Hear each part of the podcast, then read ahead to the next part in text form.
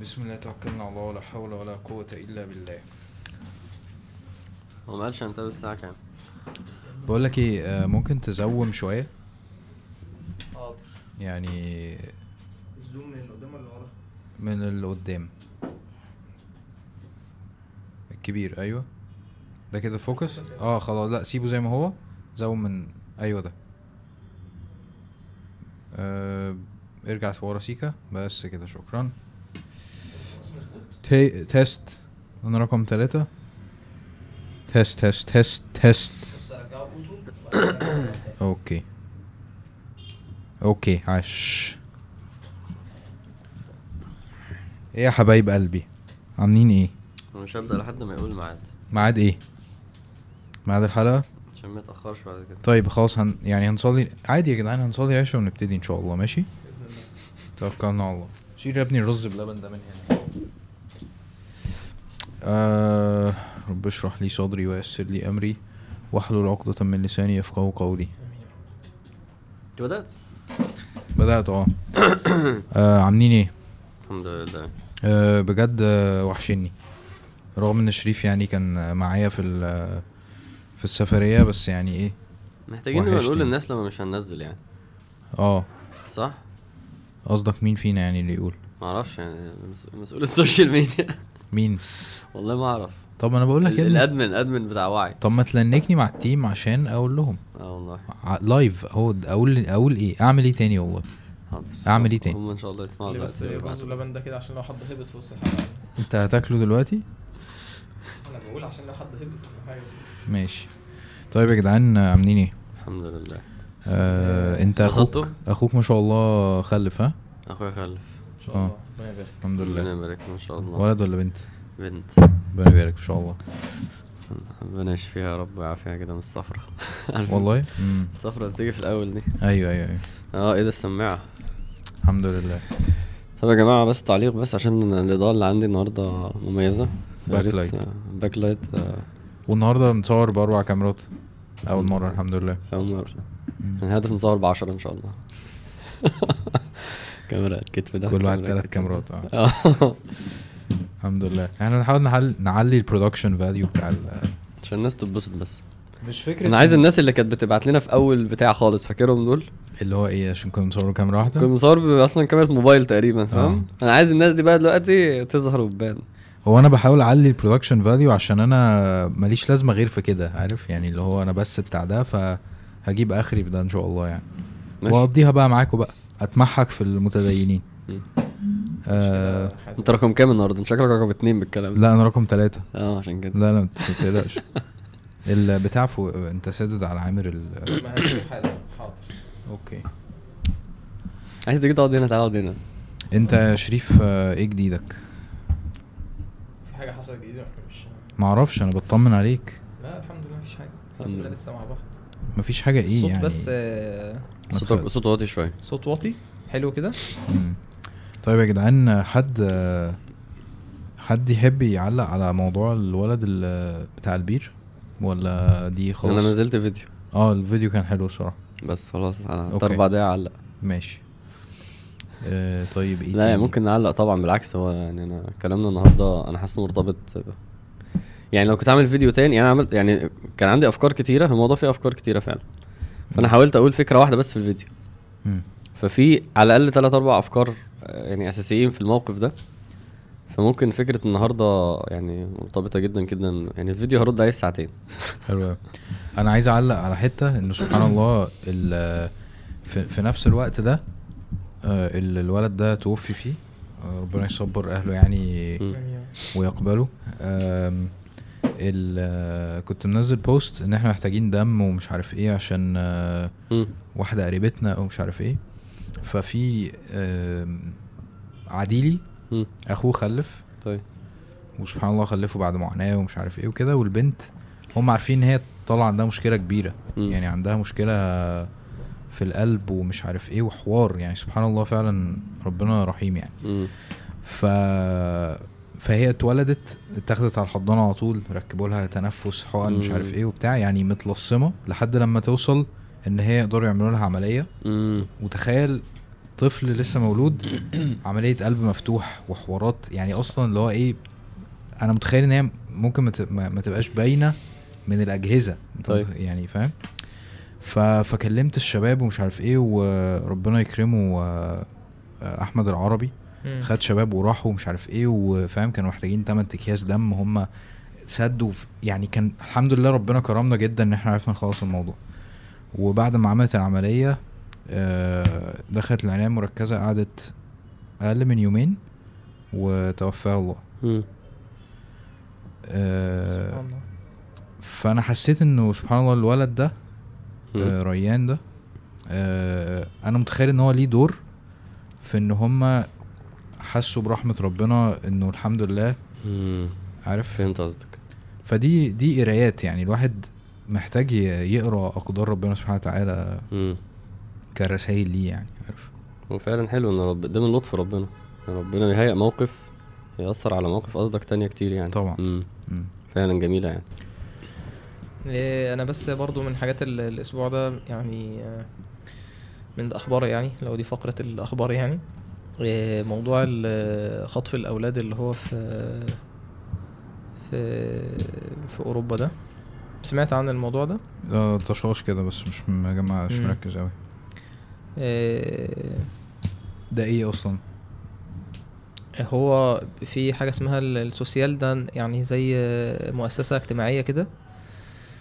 بيخطفوا الأولاد يعني بياخدوا الأولاد لو مثلا إيه، يعني أي حد بلغ إن مثلا أم آه، اتكلمت مع ابنها بطريقة مش كويسة أو آه إيه، فبياخدوا أولاد ففي عدد أولاد كبير جدا متاخد. والموضوع الموضوع كبير يعني دكتور إياد قنيبي عمل عمل فيديو قناة شؤون إسلامية. فصراحة شفت ال- شفت الفيديوهات تابعت الموضوع شوية كده فأثر فيها جدا يعني. يعني كان من الحاجات اللي من الحاجات اللي إحنا كنا بنتكلم فيها مع الشباب في مسألة إن الإنسان يستسهل فكرة إن هو ي... يتغرب وإن هو مم. يروح يعيش بره ويعيش في في, في البلاد دي. دي من ضمن الحاجات ال- المساوئ. إن تخيل تخيل يعني تخيلت يعني إيه إن حد يجي ياخد ابنك فاهم؟ يعني واحدة تاخد منها ثلاث عيال. يا تل- يعني وهو رضيع. قصص قصص. يعني قصص لو لو مش الناس بتحكيها. ومثلا ممكن واحدة تشوف حد في جارتها مثلا بتعيط فتكلم السوسيال فييجوا يقولوا لا انت انت.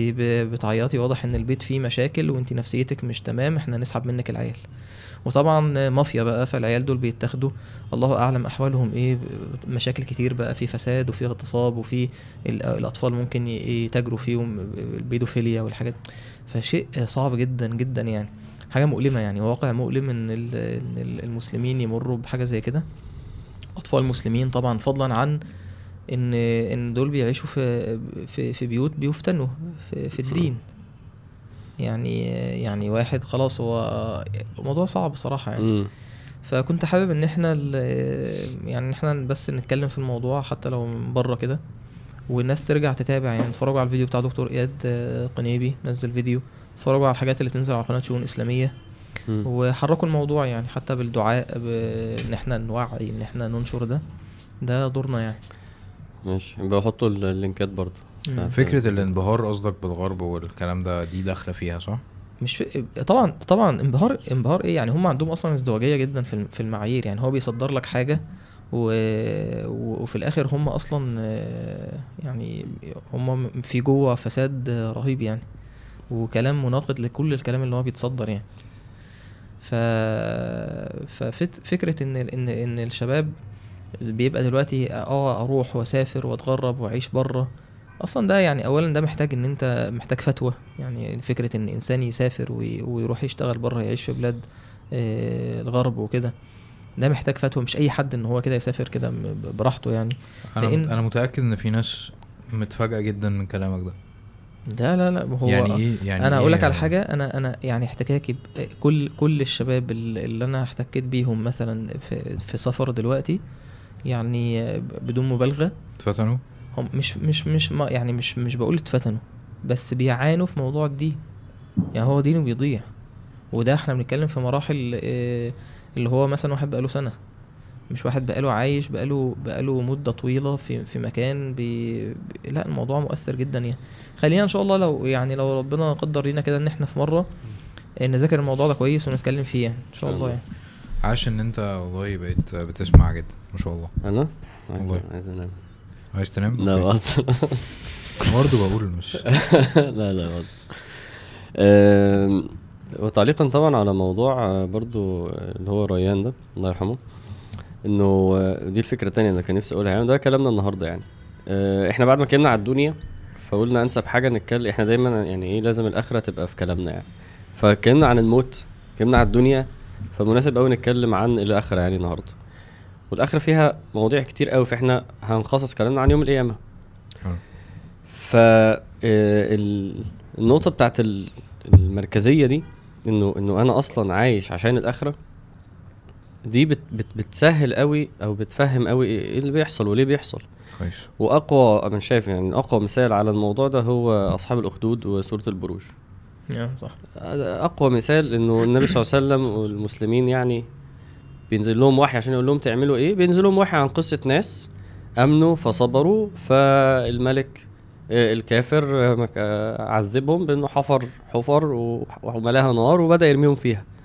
واخر الحديث خالص آه، الطفل اللي أمه خافت تنط فقام قال لها إيه؟ آه، يا أمي إيه اصبري اصبري. اصبري فإنك على الحق. والحديث بيخلص. يعني من مفاجآت الحديث إن هو إن هو القصة خلصت القصة خلصت الناس بتنط. والصورة بتقول برضو إيه؟ النار ذات الوقود إذ هم عليها قعود هم على ما يفعلون المؤمنين شهود وإن هم ربنا بيحكي إنه حصل حاجات كده والناس قاعدة تتفرج عليها. والقصة والصورة خلصت. عشان آه عشان تقول لك إنه في آية بقى محوريه إن الذين إيه آه آمنوا. وعملوا الصالحات لا غير فت... إن الذين آمنوا وعملوا الصالحات لهم جنات تجري من تحتها الأنهار ذلك الفوز الكبير.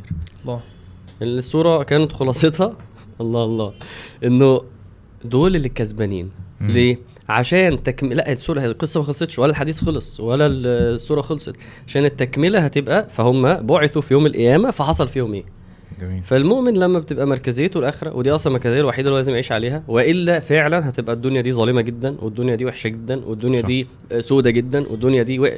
و... و... وربنا طبعا حاشا لله سبحان الله ربنا هيبقى مش عدل وربنا هيبقى مش رحيم إنما لما ال- ال- الستارة بتفتح وبتكمل والإنسان بيبقى مركزيته الآخرة فبيفهم إنه لسه في حدث حاجة هتحصل فهنشوف ريان ده يوم القيامة وهنشوف أهله يوم القيامة وه... و... و... ده ده ده التسلسل الطبيعي. فالمركزية بتاعت الاخره لما تبقى موجودة الحزن بي- بيبقى بيتغير أسبابه أصلا. يعني يعني أيوه. يعني ما بيبقاش الحزن يعني ممكن يبقى أنا مثلا حزين عشان هو مثلا مش معايا دلوقتي. وحشني مش عارف إيه. مثلا. آه. أيوه. العشرة مثلا. آه إنما مش حزين على اللي حصل له. أيوه. لا على اللي حصل له ده ده يا بخته. مم. انت يوم القيامة. تقول يا بخته. ويا بخت أهله. يا بخت أهله لو صبروا. وعشان ربنا قال لهم إيه اللي هيحصل فيكم يوم القيامة لو أنتوا صبرتوا. فالمؤمن بيتغير بيشوف الحاجات بطريقة مختلفة. في ناس لما بيموتوا انت بتحس بابتسامة كده جواك إنه إيه؟ آه خلاص هو كده. بدأ يكسب أهو بدأ يلم بقى بدأ يحصل أيوه. فمركزية الآخرة بتتغير تماما. فالحدث ما بيبقاش بتشاف بالطريقة السوداوية بتاعت إنه في طفل لا. فيعني وده اللي خلاني يعني إيه بس خلاص خلينا في الفكرة دي وبس. طيب مركزية دي بس دي الفكرة دي. يعني عدي عليها كده قصدك إيه بمركزية؟ قصدنا إيه المركزية. آه يعني المركزية يعني قبل ما نقول بس قصده إيه ب- ب- بقصة مركزية دي يعني إن دي نقطة برضو مهمة. آه، هو يعني إحنا ليه أصلا عايزين نتكلم عن ال- الفكرة دي؟ يعني فكرة مركزية الدار الآخرة إن هي تبقى حاجة الحاجة الأساسية اللي بتحرك الإنسان. يعني آه، مثلا في في في الآية ربنا سبحانه وتعالى بيقول أمن هو قانت آناء الليل ساجدا وقائما يحذر الآخرة ويرجو رحمة ربه. آه. فقال قل هل يستوي الذين يعلمون والذين لا يعلمون إنما يتذكر أولو الألباب؟ فاللي بيدفع الإنسان هو مثلا واحد يقوم يصلي بالليل وهو تعبان وعايز ينام هو ربنا سبحانه وتعالى قال يحذر الآخرة ويرجو رحمة ربه. يعني اللي خلاه يقوم إن هو خايف من الآخرة ويرجو رحمة ربنا سبحانه وتعالى في الدنيا وفي الآخرة إنه يدخله الجنة. فربنا قال قل هل يستوي الذين يعلمون والذين لا يعلمون إنما يتذكر أولو الألباب. فقبل ما قبل ما يعني عامر يكلمنا عن الجزئية إن إيه الفرق بين. إن بس مجرد إن إنسان يبقى عنده معلومات أيوة ما كلنا عارفين إن في آخرة عارفين إن في يوم قيامة. فرق بين بس مجرد المعرفة وبين الإيمان بده أثره إيه؟ ليه أصلا إحنا عايزين نتكلم عن ده؟ يعني هل إحنا عندنا مرض مسيطر علينا محتاجين إن إحنا نتعالج منه؟ وهو مرض ربنا سبحانه وتعالى ذكره في, في القرآن في في أكتر من موضع. هو مرض ال- ال- الغفلة نسيان الآخرة. يعني مش ال- النسيان اللي بيجي في آيات الآخرة مش مش اللي هو النسيان اللي هو آه، الجبلي ده اللي هو اللي هو رفع عن أمتي الخطأ والنسيان وما استكرهوا عليه. مش النسيان ان انت نسيت غصب عنك يعني لا تحاسب عليه. لا هي النسيان هنا نسيان الغفلة. إن واحد تغافل عن أمر الاخره يعني إيه تغافل؟ يعني بالنسبة له مش حاجة مهمة. يعني كنت كنت بقول الحديث لما النبي عليه الصلاة والسلام جمع آه، أهل مكة وصعد على جبل الصفا ودعا بطون قريش وجعل ينادي على على بطون يا بني فهر يا بني عدي ينادي. فلما النبي عليه الصلاة والسلام قال لو أني أخبرتكم أن خيلا بالوادي تريد أن تغير عليكم أكنتم مصدقي؟ قالوا نعم ما جربنا عليك كذبا قط. قال فإني رسول لكم أو فإني نذير لكم بين يدي عذاب أليم أو عذاب عظيم. فقال أبو لهب ألهذا جمعتنا. تبا لك سائر اليوم. أنا بتعجب يعني فكرة إن هو يقول إيه؟ ألهذا جمعتنا يعني معناها هو, هو يعني سايب أنا مسيب مصالحي وسايب شغلي علشان تقول لي إن في إن في عذاب وإن في آخرة. يعني مم. القضية دي بالنسبة له كانت حاجة م- مش مش حاجة مهمة. مم. يعني أنت أنت خليتني أسيب مصالح عشان لهذا جمعتنا تبا لك يعني أنت أفسدت علي اليوم. تبا لك سائر اليوم. ففكرة في حاجة يا حازم ليه يا عم يلا لا لا لا كمل كمل. مش مش عارف أتكلم بس هو واقف كده. معلش آه، إيه؟ لا ما كنتش حاطط فيشة بس. ماشي مش مشكلة. كمل كمل جدا. هكمل. كمل جدا. طب بص اتكلم. يا عم بس. وكمل، بص يا عم وكمل. هكمل آه، عشان نأكد يعني فكرة المركزية هي إنه الحاجة تبقى هي اللي بتحركك. هي ال- اللي في النص اللي بتجذب كل حاجة ليها وبتحرك كل حاجة على أساسها. يعني فده معنى المركزية. فاحنا مركزيتنا الدنيا ولا الآخرة؟ طيب الشريف بقى كان بيتق- انت بتتكلم في حتة إنه ال- المركزية عشان تبقى الآخرة ما ينفعش يبقى تعاملي مع الآخرة حاجة كده عارفها سمعت عنها اتعرضت ليها فاهم إنها موجودة لا التعامل ده قاصر جدا. التعامل اللي المفروض نوصل له هو تعامل إن أنا عايش مع الآخرة. وعايش مع الآخرة دي مش بتيجي آه من غير مجهود. إيه الفرق ما بين إن أنا عرفت وإن أنا عايش مع الحاجة؟ إن حد قال لي معلومة فخلاص تمام أنا كده مؤمن بيها وعا- وعارفها. بس إن أنا اعيش مع الآخرة ده محتاج مجهود. لأن الإنسان أصلا بطبعه هيحصل اللي أنت بتقوله ده هينسى. المعنى هيتفلت. الإيمان هيبلى. فعلينا إن إحنا عشان المركزية تفضل الآخرة فنعيش صح ونفهم صح و علينا إن إحنا نبذل مجهود من ان هي تفضل المركزية. عن طريق إن إحنا نعيش معاني الآخرة دي. تخيل معايا واحد آه كل يوم مثلا نفترض يعني بيصحى الصبح ويقوم معدي على المقابر ويقف شوية في قدام قبر كده وبعد كده يمشي. كل يوم يقوم معدي على المقابر. ده صعب قوي إن هو يغفل عن الموت خلاص أو ينساه بقى بالمعنى ده. صعب جدا. عشان بيفكر نفسه بشكل آه، مفتعل بي بيعيش بشكل متكلف بي... آه يعني. بيعيش الموضوع بيبذل مجهود. أيوه. فأصبح الموضوع مركزيته. فإحنا ربنا سبحانه وتعالى إدانا الوحي عشان الهدف ده. أحد أهدافه الكبيرة ده. ذكرى. لما ربنا ذكرى. خلاص؟ ذكرى. فالذكرى دي معناها إن أنت تفتح المصحف. فالمصحف مفيش صفحة في القرآن عشان بقى اللي هيقرأ صفحة بس مفيش صفحة في القرآن إلا وهيبقى فيها إيه؟ ذكرى الدار. هيبقى فيها كلام عن الآخرة. ما هو يعني ما هو ما ينفعش نتحرك من غيرها فلازم نتكلم عنها. فإحنا النهارده مش جايين نتكلم عن يوم القيامة بتفاصيله ب ب ب ب بحواراته ب لأن ده محتاج يعني آه يعني ده ده, اتعمل عليه سل- سلاسل. وكتب والآخرة كبيرة. بس إحنا محتاجين النهارده نفكر الناس في حاجة اسمها يوم القيامة. وبعد كده المعنى الأساسي هو إن أنت محتاج تعيش مع يوم القيامة محتاج تعيش مع الجنة محتاج تعيش مع القبر. تعيش دي معناها إنه يوميا لازم يبقى عندك الوسيلة وسيلة التذكره دي. اللي هي أقوى حاجة في الدنيا هي القرآن. إن أنت تمسك قرآن وتقعد تقراه ف... فالمعنى يتج... فتفضل المركزيه ف... ف... ف... فلو إحنا عايشين في يومنا مفيش تذكرة مفيش دروس مفيش حتى لو واحد بنفترض بيعتمد بس على البودكاست ده ده مش كفاية. يعني إحنا ما بنتكلمش عن الآخرة وما بنتكلمش كل يوم. أنت محتاج إن أنت تفهم أنت محتاج كلام عن الآخرة كل يوم. فكتب دروس آه كلام عن قرآن. الآخرة كل يوم؟ امال إيه okay. قرآن كل يوم؟ يعني كلام عن الآخرة كل يوم. حلو. هو ماشي. هو يعني ممكن يفهم من كلام عن الآخرة. يعني أنا حسيت شوية إن إيه إن أنت فاهم إن الكلام عن الآخرة ده الشرط فيه إن هو يكون كلام مخيف. أو مباشر. آه يعني كلام مباشر. كده آه. مباشر. اذا الشمس كورت. مباشر. ماشي. إيه- إيه أو يخوف. على فكرة مش مش بالضرورة يعني مش بالضرورة ارتباط الإنسان بالآخرة يكون في جانب الخوف بس. يعني أنا بس عايز أكد على على فكرة المرض اللي القرآن اتكلم عنه هي فكرة ال- النسيان والغفلة غفلة الآخرة. يعني ربنا سبحانه وتعالى قال في سورة السجدة وبالمناسبه هي سورة السجدة آه، المفروض إن هي من السنة إن هي تقرأ في فجر الجمعة. مم. هي سورة الإنسان. وفيها معاني آه، اللي هي إيه؟ سوره الإنسان المعاني بتاعتها أنت إيه إيه أصل الجنة. أصل الخلق ومش. عارف إيه والجنة تكلمك عن الاخره وسوره السجدة بتكلمك عن المرض ده المرض قال تعالى قل يتوفاكم ملك الموت الذي وكل بكم ثم إلى ربكم ترجعون ولو ترى إذ المجرمون ناكسوا رؤوسهم عند ربهم كأنك يعني أنت واقف فجر الجمعة بتصلي وبتسمع الآيات دي كل جمعة عشان تفتكر المشهد ده ولو ترى يعني كأنك رحت هناك والقرآن بيكلمك أنت شايف ده. ولو ترى إذ المجرمون ناكسوا رؤوسهم عند ربهم ربنا أبصرنا وسمعنا فارجعنا نعمل صالحا. فرجعنا نعمل صالحا. إنا موقنون.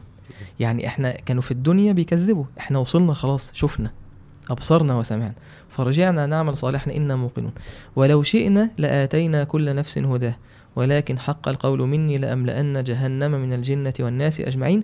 فذوقوا بما نسيتم لقاء يومكم هذا. إنا نسيناكم. نسيناك سبحان الله. يعني يعني شوف ذوقوا بما نسيتم. ال ال ال ب- بسبب النسيان والغفلة اللي أدت إن الإنسان يتجرأ على المعصية فتذكير كل جمعة حتى في سورة القيامة وفي في سورة صاد قال تعالى يا داود إنا جعلناك خليفة في الأرض فاحكم بين الناس بالحق ولا تتبع الهوى فيضلك عن سبيل الله إن الذين يضلون عن سبيل الله لهم عذاب شديد بما نسوا يوم الحساب. ففكرة إن الإنسان ينسى إن هو يتحاسب ينسى إن أنا إن في حساب وإن في آخرة وفي يوم قيامة دي هتخليه إن هو في الدنيا يتجرأ على الحرام.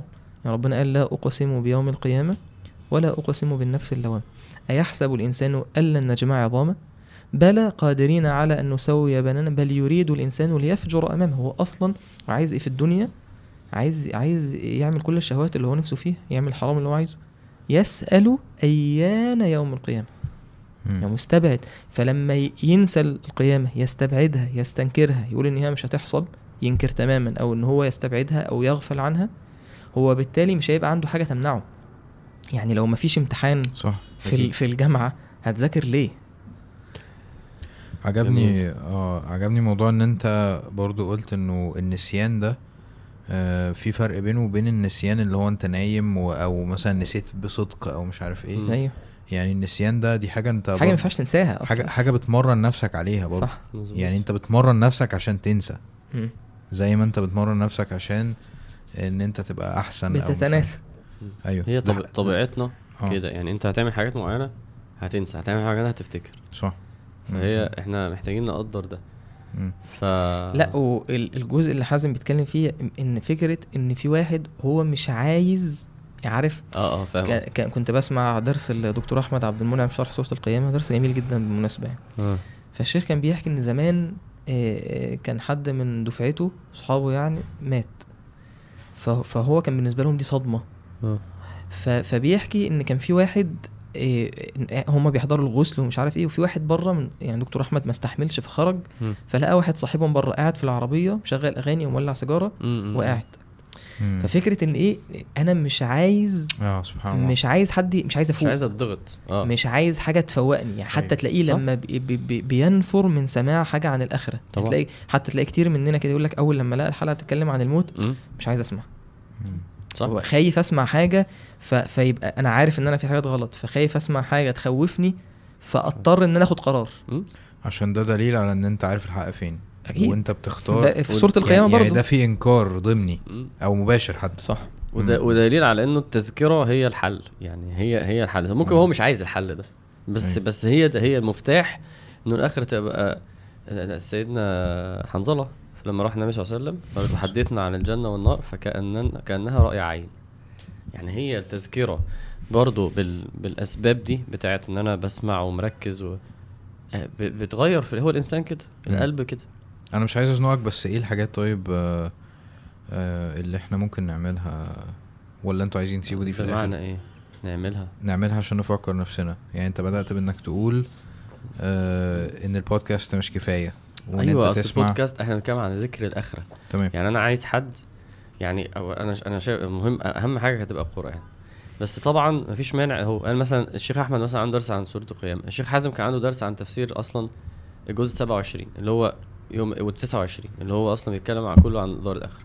تلاقي كده بقى. تلاقي سلسلة مثلا اللي هي بتاعت شيخ حسان لأحداث النهاية. 30 درس عن يوم القيامة بس. 30 ساعة. في برضو الشيخ محمود المصري سلسلة اسمها موجز أنباء الآخرة. آه. دروس صغيرة كده بس جميلة فعلا برضو. و- والشيخ عمر عبد الكافي رحلة للدار ما, ب- يعني ما فيش يعني عشان بس واضحين ما فيش داعية إلا لو كان على الآخرة. يعني أنت إيه شوف بتحب مين بتحب حسين أحمد جلال اكت- اكتب. حسين الدار الآخرة لازم هتطلع. لو هو مش منطقي إنه داعيه ما يكلمش على الآخرة. إنما إن أنا ما بقاش بطلع حسين الدار. وأنا بقول لك لو بي... أنا عشان بس هو بيحب بس في واحد يقول لك ما بيحبش ده يا عم اكتب اللي أنت بتحبه واكتب جنبه ال- الآخرة. لازم بقى يبقى في ذكر الآخرة ده. أنا فاكر مشاهد من يوم القيامة برضه بتاع الشيخ محمود المصري مشاهد من يوم القيامة. كتاب. جمع آيات يوم القيامة. ال ال ال ال الأعظم من كل ده إن عندك قرآن كل يوم بتقرأ. فيه فهتلاقي الآية مفصل. اللي الشريف قالها. يعني مفيش- الجزء مفيش- المفصل من من قاف أو من الحجرات ل... من من الحجرات للناس. لا بس ده أكيد. ده يعني بيتكلم بس عن آه يعني عن الجزء ال- ده لو أنت. حفظت السور المفصل وقرأت التفسير بتاعها الميسر حتى صح. أنت كده يعني بتصلي بيها باستمرار يستحيل أنت تنسى. طيب عايز أوصل الحته بس بتاعت المركزية دي آه. هي فكرة إن أنت بتخلي إن هي دي الحاجة اللي بتعدي عليها أي حاجة تانية في حياتك مش كده مش ده اللي أنت قصدك عليه إنه هي ال- الأخرة أنت دايما مركز عليها في أي موقف بيحصل أنت بتقيسه على آه الأخرة بتعديه على الأخرة آه. بت... هو ده عشان هي. المركزية هي. الكور هي أيوة. الكور عارف الكور مم. بتاع ال- أيوه الكور على فكرة الإنسان دايما عنده مركزية. بالظبط صح. هو ممكن تبقى مركزيته الدنيا. صح. في ناس مركزيتها هي الإنسان. م- م. فلما هو بتبدل أنا. ده أيوه. آه بالظبط. في واحد مركزيته الفلوس. صح. هو أهم حاجة الدنيا كلها عنده ماشية على أساس الفلوس والشغل مثلا. فهي كل واحد عنده مركزية. م. فإحنا الأصل مركزيتنا الآخر. هي دي الفكرة. كويس جدا. حلو. أنت الجزئية بتاعت المعرفة والعمل دي مالها؟ يعني آه وضحتها؟ وضحناها إحنا بقالنا نص ساعة بنوضح لا يعني انت الفرق بين ال- معرفة الفرق بين ان أنا ابقى آه. عارف ده وان أنا ابقى عايش ده قلتها وهو بيعمل ال ماشي انت كنت سرحت شوية طيب أو بس. هو خلتك تسرح أنا أنا بتأكد بس. تتناسى آه طب لو إحنا هنقول يعني خواطرنا عن يوم القيامة ف... فأول حاجة ممكن ننتبه ليها هي آه الأسماء بتاعت يوم القيامة ال... يعني. ربنا إيه؟ عجيب الموضوع ده. آه انه فعلا انه رو... يعني ربنا مسمي الجنة الجنة بس مسميها أسماء تانية برضه. عشان كل اسم ليه وصف عشان يقول لك إن هي شوفها بالمنظور ده. م. اليوم القيامة كده. بس يعني كلنا سالت أي حد يقول لك اسم أو اتنين في غير في حين إن أنت لما بعت لنا أسماء أسماء يعني يعني آه، ممكن الناس تفكر إن هم ستة سبعة لأ أسماء أسماء. ربنا سماها كتير قوي. فإنه الواحد يعيش مع الأسماء دي هي هي هي هيشوف يوم القيامة بحقيقته. أيوه أيوه أيوه فاهمك. يعني من الحاجات اللي بت... من الحاجات اللي بتلفت نظري في الأسماء اللي ربنا سماها آم، ربنا سماها اليوم الموعود. ربنا سماها يوم الجمع الحشر. يعني ده اليوم اللي هتيجوا فيه. ده ده يوم يوم اللقاء فاهم؟ يوم اللقاء. من كان يرجو لقاء الله. يوم الخروج. آه يوم الخروج. اللي هي الأسماء اللي بتدل كلها على أنتوا جايين. أنتوا. هتتجمعوا وانتوا طالعين وانتوا جايين وانتوا هتقفوا دي من آه، آه، يوم التلاق التلاقي. كلها أسماء بتدل على إنه في ميعاد عارف وفي أحداث آه، جدا في مكان هيحصل في مكان أنتوا جايين والنبي صلى الله عليه وسلم الحديث اللي قاله. اللي هو الناس آه، بتخرج حفاة عراء عراء غرلة الناس بتخرج يوم القيامة حفاة؟ عراء غرلة, غرلة. يعني بالحبل السري يا آه. سبحان لا غرلا. يعني غي- غير مفتونين غير ما غير ما مختونين. لا. أنا قريتها بحبل السور ماشي. حلوة حلوة. خليها خليها بقى للناس في الكومنتات عشان لازم الناس تبحث برضه. آه ممكن غير- غير آه، مختونين. مختونين آه. أمال مين اللي قال حبل السوري دي؟ ما أعرفش الحبل السوري دي. هو طالع. جنين يعني ف طب آه، اصبر. ما هو الجنين بيطلع بحبل السوري صح؟ لا, هو مش أيوة. طالع جنين هو. طالع بني آدم عادي. هو طالع بني آدم صح؟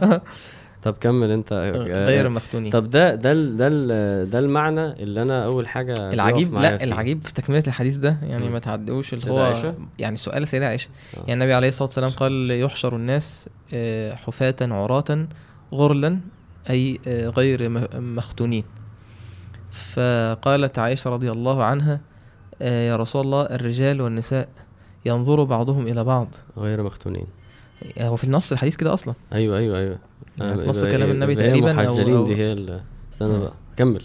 فقالت يا رسول الله الرجال والنساء ينظر بعضهم إلى بعض مم. سؤال منطقي جدا ف-. منطقي ويدل أصلا على حياة عائشة رضي الله عنها مم. إن مم. هي أصلا ده ال- يعني ده اللي لفت انتباه هو. الرجال والنساء عراه يعني ينظر بعضهم إلى عورات بعض مم. فقال الأمر أشد من أن يهمهم هذا يعني يعني أصلا فكرة ان واحد تخيل الناس قال تعالى وترى الناس سكارى وما هم بسكارى. ولكن عذاب الله شديد. في في في الاسم اللي عامر قاله آه، يوم التلاق ده وفي سورة غافر. قال. تعالى رفيع الدرجات ذو العرش يلقي الروح من أمره على من يشاء من عباده لينذر يوم التلاق. يوم هم بارزون. لا يخفى على الله منهم شيء. يوم التلاق يعني يعني من أول سيدنا آدم. سيدنا آدم يلقى آخر واحد في ذريته والظالم يلقى المظلوم يوم التلاق. كل واحد يقابل. قال يوم هم بارزون. العرض على الله سبحانه وتعالى. لا يخفى على الله منهم شيء. ثم قال الله عز وجل لمن الملك اليوم.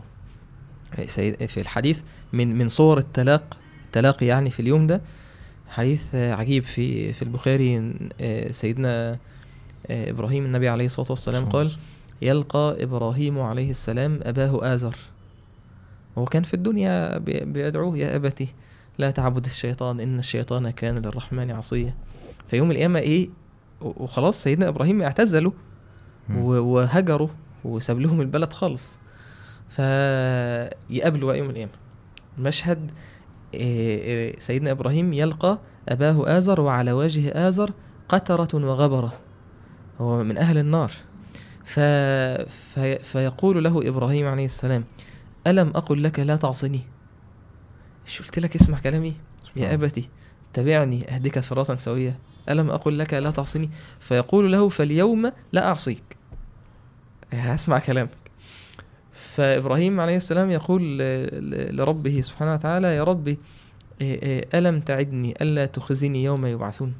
وأي خزي اخذ من أبي الأبعد. يا أبي الهالك يا يعني في خزي أعظم من إن أبي يعذب في النار. فقال الله عز وجل إني حرمت الجنة على الكافرين. ثم يقال لإبراهيم انظر ما بين رجليك أو تحت رجليك فإذا بذيخ ملتطخ. الذيخ اللي هو ذكر الضبع عارف الضبع؟ آه. حيوان ده. فيؤخذ بقوائمه فيقذف في النار. مشهد يعني المشهد ده مشهد إن سيدنا إبراهيم بيقابل آه، أبوه أبوه وهو كان على الكفر ومات على الكفر. ومشهد ال- الندم والحسرة وهو بيقول له فاليوم لا أعصيك. ده من من من ال من المعاني من الأسماء. كل اسم زي ما عامر بيقول ليه أثر عليك. تعديت حتة الضبع ليه؟ ذكر هو هو هو إيه؟ مسخ مسخ مسخ؟ أبوه. أبو أبو إبراهيم عليه السلام مسخ آه. على الهيئة دي بذيخ ملتطخ يعني ملطخ ب ب بال- بالقاذورات يعني وقذف في النار آه. والعلماء قالوا قالوا يعني في معنى ده كلام يعني إن شاء الله أوكي فانت كنت بيقول كل اسم مم. ولازم يبقى ليه أثر يعني مم. الواحد لو برضو دي من الأبحاث اللي تعيش معاها جميل جدا وتقول الاسم ده يبقى يعني يوريني يوم القيامة أكتر زي عارف كأن يوم القيامة حاجة كده مش باينة وكل اسم ينور لك حتة ينور لك حتة عشان تشوفه فأنت كنت بتقول حتة الندم و... ففي أسماء يعني آه، في الجزئية دي آه، اذكرها عشان تكمل آه يا. ريت لو الحسرة. عندك تاني في. أسماء. آه الحسرة آه. سبحان الله قال تعالى وأنذرهم يوم الحسرة مم. إذ قضي الأمر وهم في غفلة قضي وهم الأمر وهم لا يؤمنون دي في يعني ده النبي عليه الصلاة والسلام قرأها في في حديث بمناسبة إحنا قلنا في في درس الموت بس نقوله تاني يعني النبي عليه الصلاة والسلام قال يؤتى بالموت كهيئة كبش آه، أقرن أو أملح. فينادي مناد يا أهل الجنة فيشرئبون وينظرون. آه، هل تعرفون هذا؟ فيقولون نعم وكلهم قد رآه هذا الموت. ثم ينادى على أهل النار فيشرئبون وينظرون. تعرفون هذا؟ فيقولون هذا الموت. كلهم قد رآه فينحر يذبح. فينادى يا أهل الجنة خلود فلا موت. ويا أهل النار خلود فلا موت. ثم قرأ النبي صلى الله عليه وسلم وأنذرهم يوم الحسرة إذ قضي الأمر وهم في غفلة وأشار إلى الدنيا أهل الدنيا يعني وهم في غفلة وهم لا يؤمنون. إنا نحن نرث الأرض ومن عليها وإلينا يرجعون. يوم الحسرة. آه، كلمة الحسرة يعني مذكورة يعني في أحداث الآخر مذكورة كتير. يعني تقول نفس يا حسرة هو دي الحسرة. حصر الحسرة بما يعني فرق بين الندم دايما يقول لك الندم أنت تقدر تعوض يعني. الحسرة خلاص أنت بتحسر على حاجة مستحيل تعرف تعمل فيها حاجة. فربنا سماه بقى ده اليوم اللي الناس تحسر فيه. يعني يعني وده معناه إنه أغلب يعني أغلب الناس هتحسر. أغلب الناس هتزعل على اللي فات وهتحسر على اللي فات و- ويوم يعض الظالم على يديه والناس قاعدة متحسرة على النتيجة. وإحنا للأسف بنقيسها بحاجات ما عندناش غيرها نتيجة الجامعة فاهم؟ نتيجة المش عارف إيه حاجات حاجات حتى في الدنيا ما بتولدش حسرة قوي يعني. اخرها زعل يومين ثلاثة يعني. بعدين الحياة بتمشي. إنما الآخرة خلاص هي وقفت كده. فاسم فظيع يعني. والتغابن. آه تغابن. تغابن يو افتكرتك آه. يوم يوم يجمعكم اليوم الجمع ذلك يوم التغابن. يعني إيه ال- ال- الغبن أصلا هو إن إنسان يخسر خسارة شديدة يعني مثلا. واحد مثلا اشترى عربية ب- ب- بنص. بنص مليون جنيه فيجي حد مثلا يشتريها مثلا ب ب ألف آه. فهو هو مش خسر فيها. هو غبن. يعني اتضحك عليه يعني خسر جامد خسارة قوي شديدة خسارة شديدة شديدة يعني انت اشتريت الدنيا والدنيا دي طلعت مش حاجة هو هو ولا حاجة. هو بي هو بي آه أيوه آه، يعني حتى النص ال- ال- ربنا سبحانه وتعالى اتكلم عن معنى الشراء والبيع ده في مسألة الآخرة قال آه. تعالى أولئك الذين اشتروا الضلالة بالهدى مم. فما ربحت تجارتهم مم. يعني هو دي تجارة هو غبن فيها فيجي يوم القيامة يوم التغابن ليه يجي الكافر يلاقي العلماء قالوا فيها أقوال منها إن من الأقوال أنه ليس من كافر إلا وله منزل وأهل في الجنة. فمين اللي بيرث ال- المنزل بتاعه ده؟ المؤمن. مم. فتخيل هو ال ال هو ال الكافر غبن قد إيه؟ يعني أنا مش أنا مش خدت بيتك في الدنيا. أنا خدت مكانك القصر بتاعك في الجنة. مم. اللي هو أنت تخلد في النار في الموقع بتاعك وأنا خدت المكان بتاعك أنت كان ليك مكان في الجنة.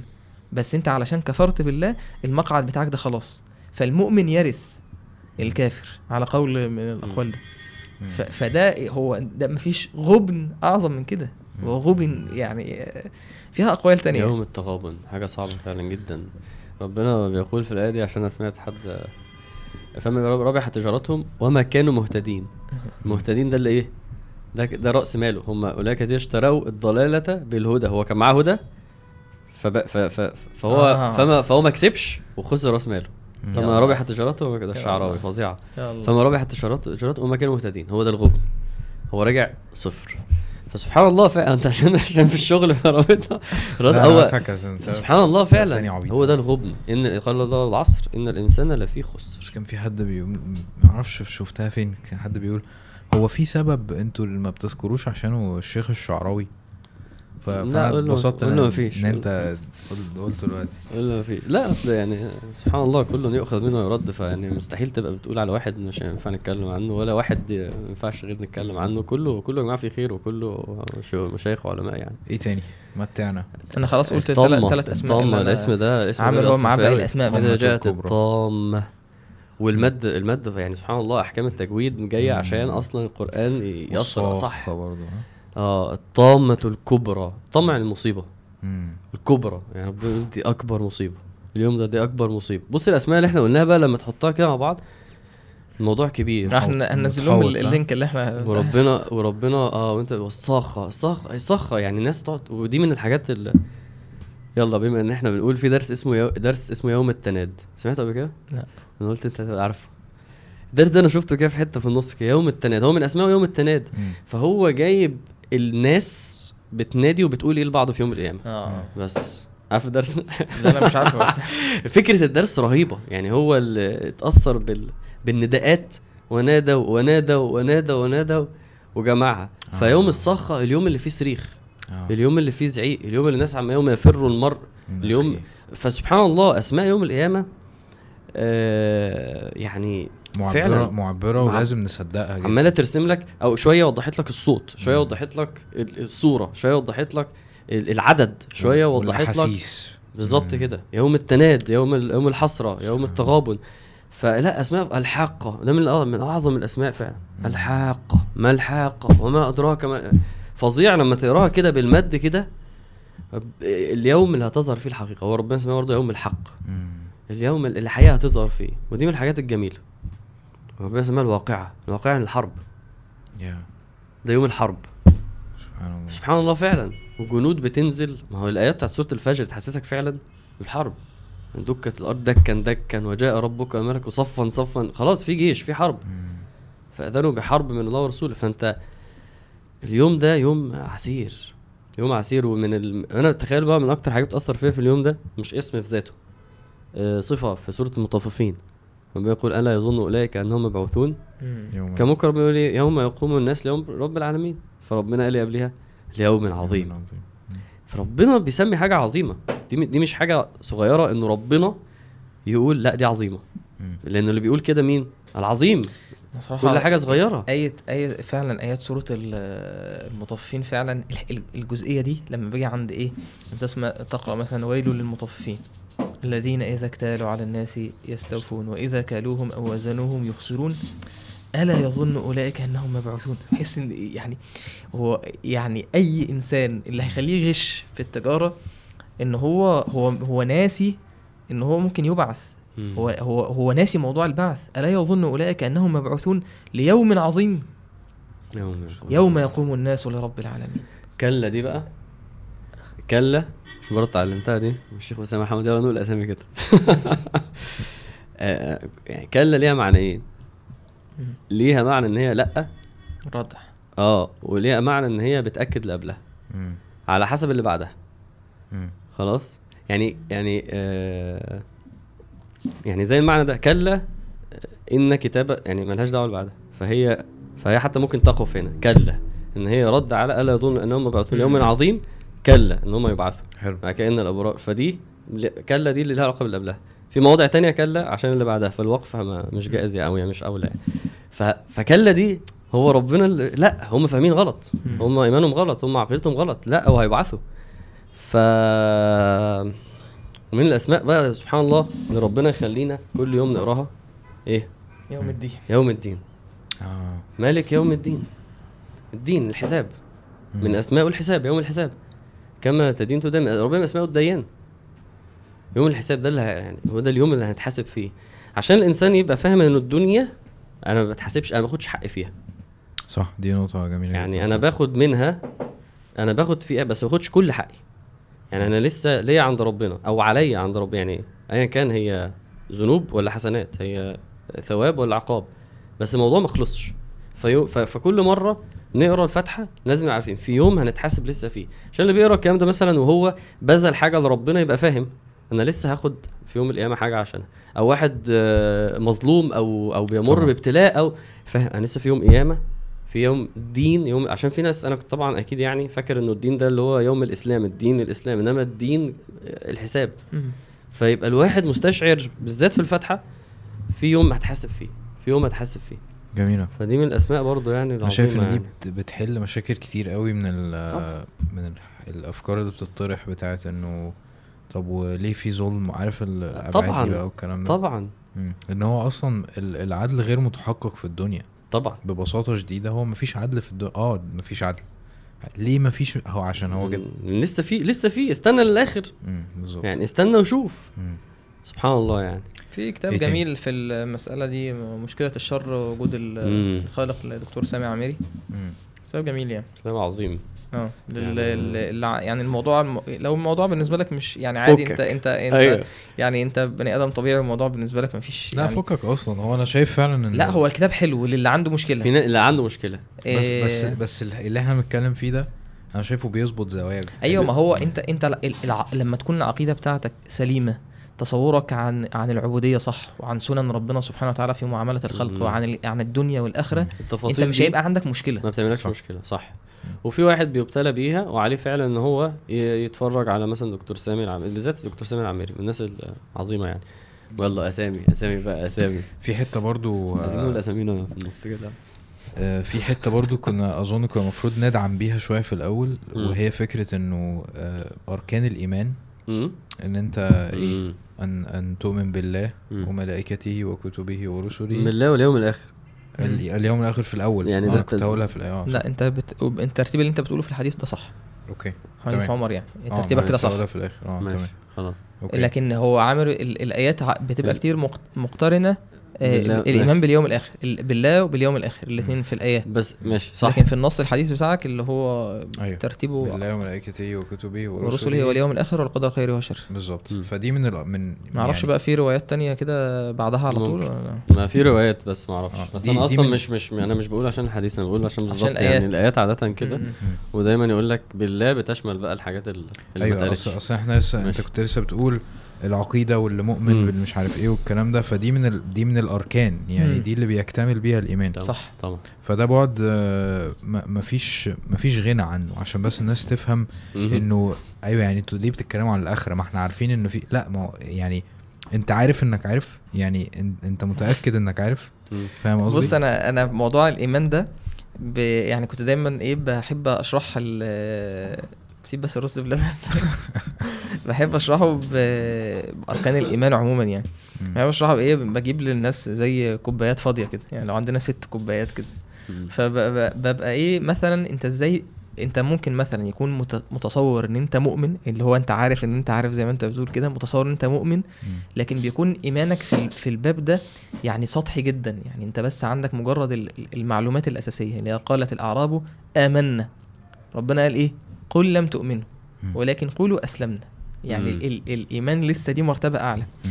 فلو لو فكرة ال ال إن أنت ترتقي أنت عارف إن في يوم قيامة وعارف إن أنت هتموت الارتقاء ده بي- بيجي إزاي أنت إزاي تعلى زي الكوبايات الفاضية دي كل لما أنت بتملاها بتتملي على الآخر مم. وخلاص تبتدي إيه, إيه, إيه تنزل على اللي حواليها يظهر الأثر العمل بتاعها. فبتتملي بإيه بالعلم.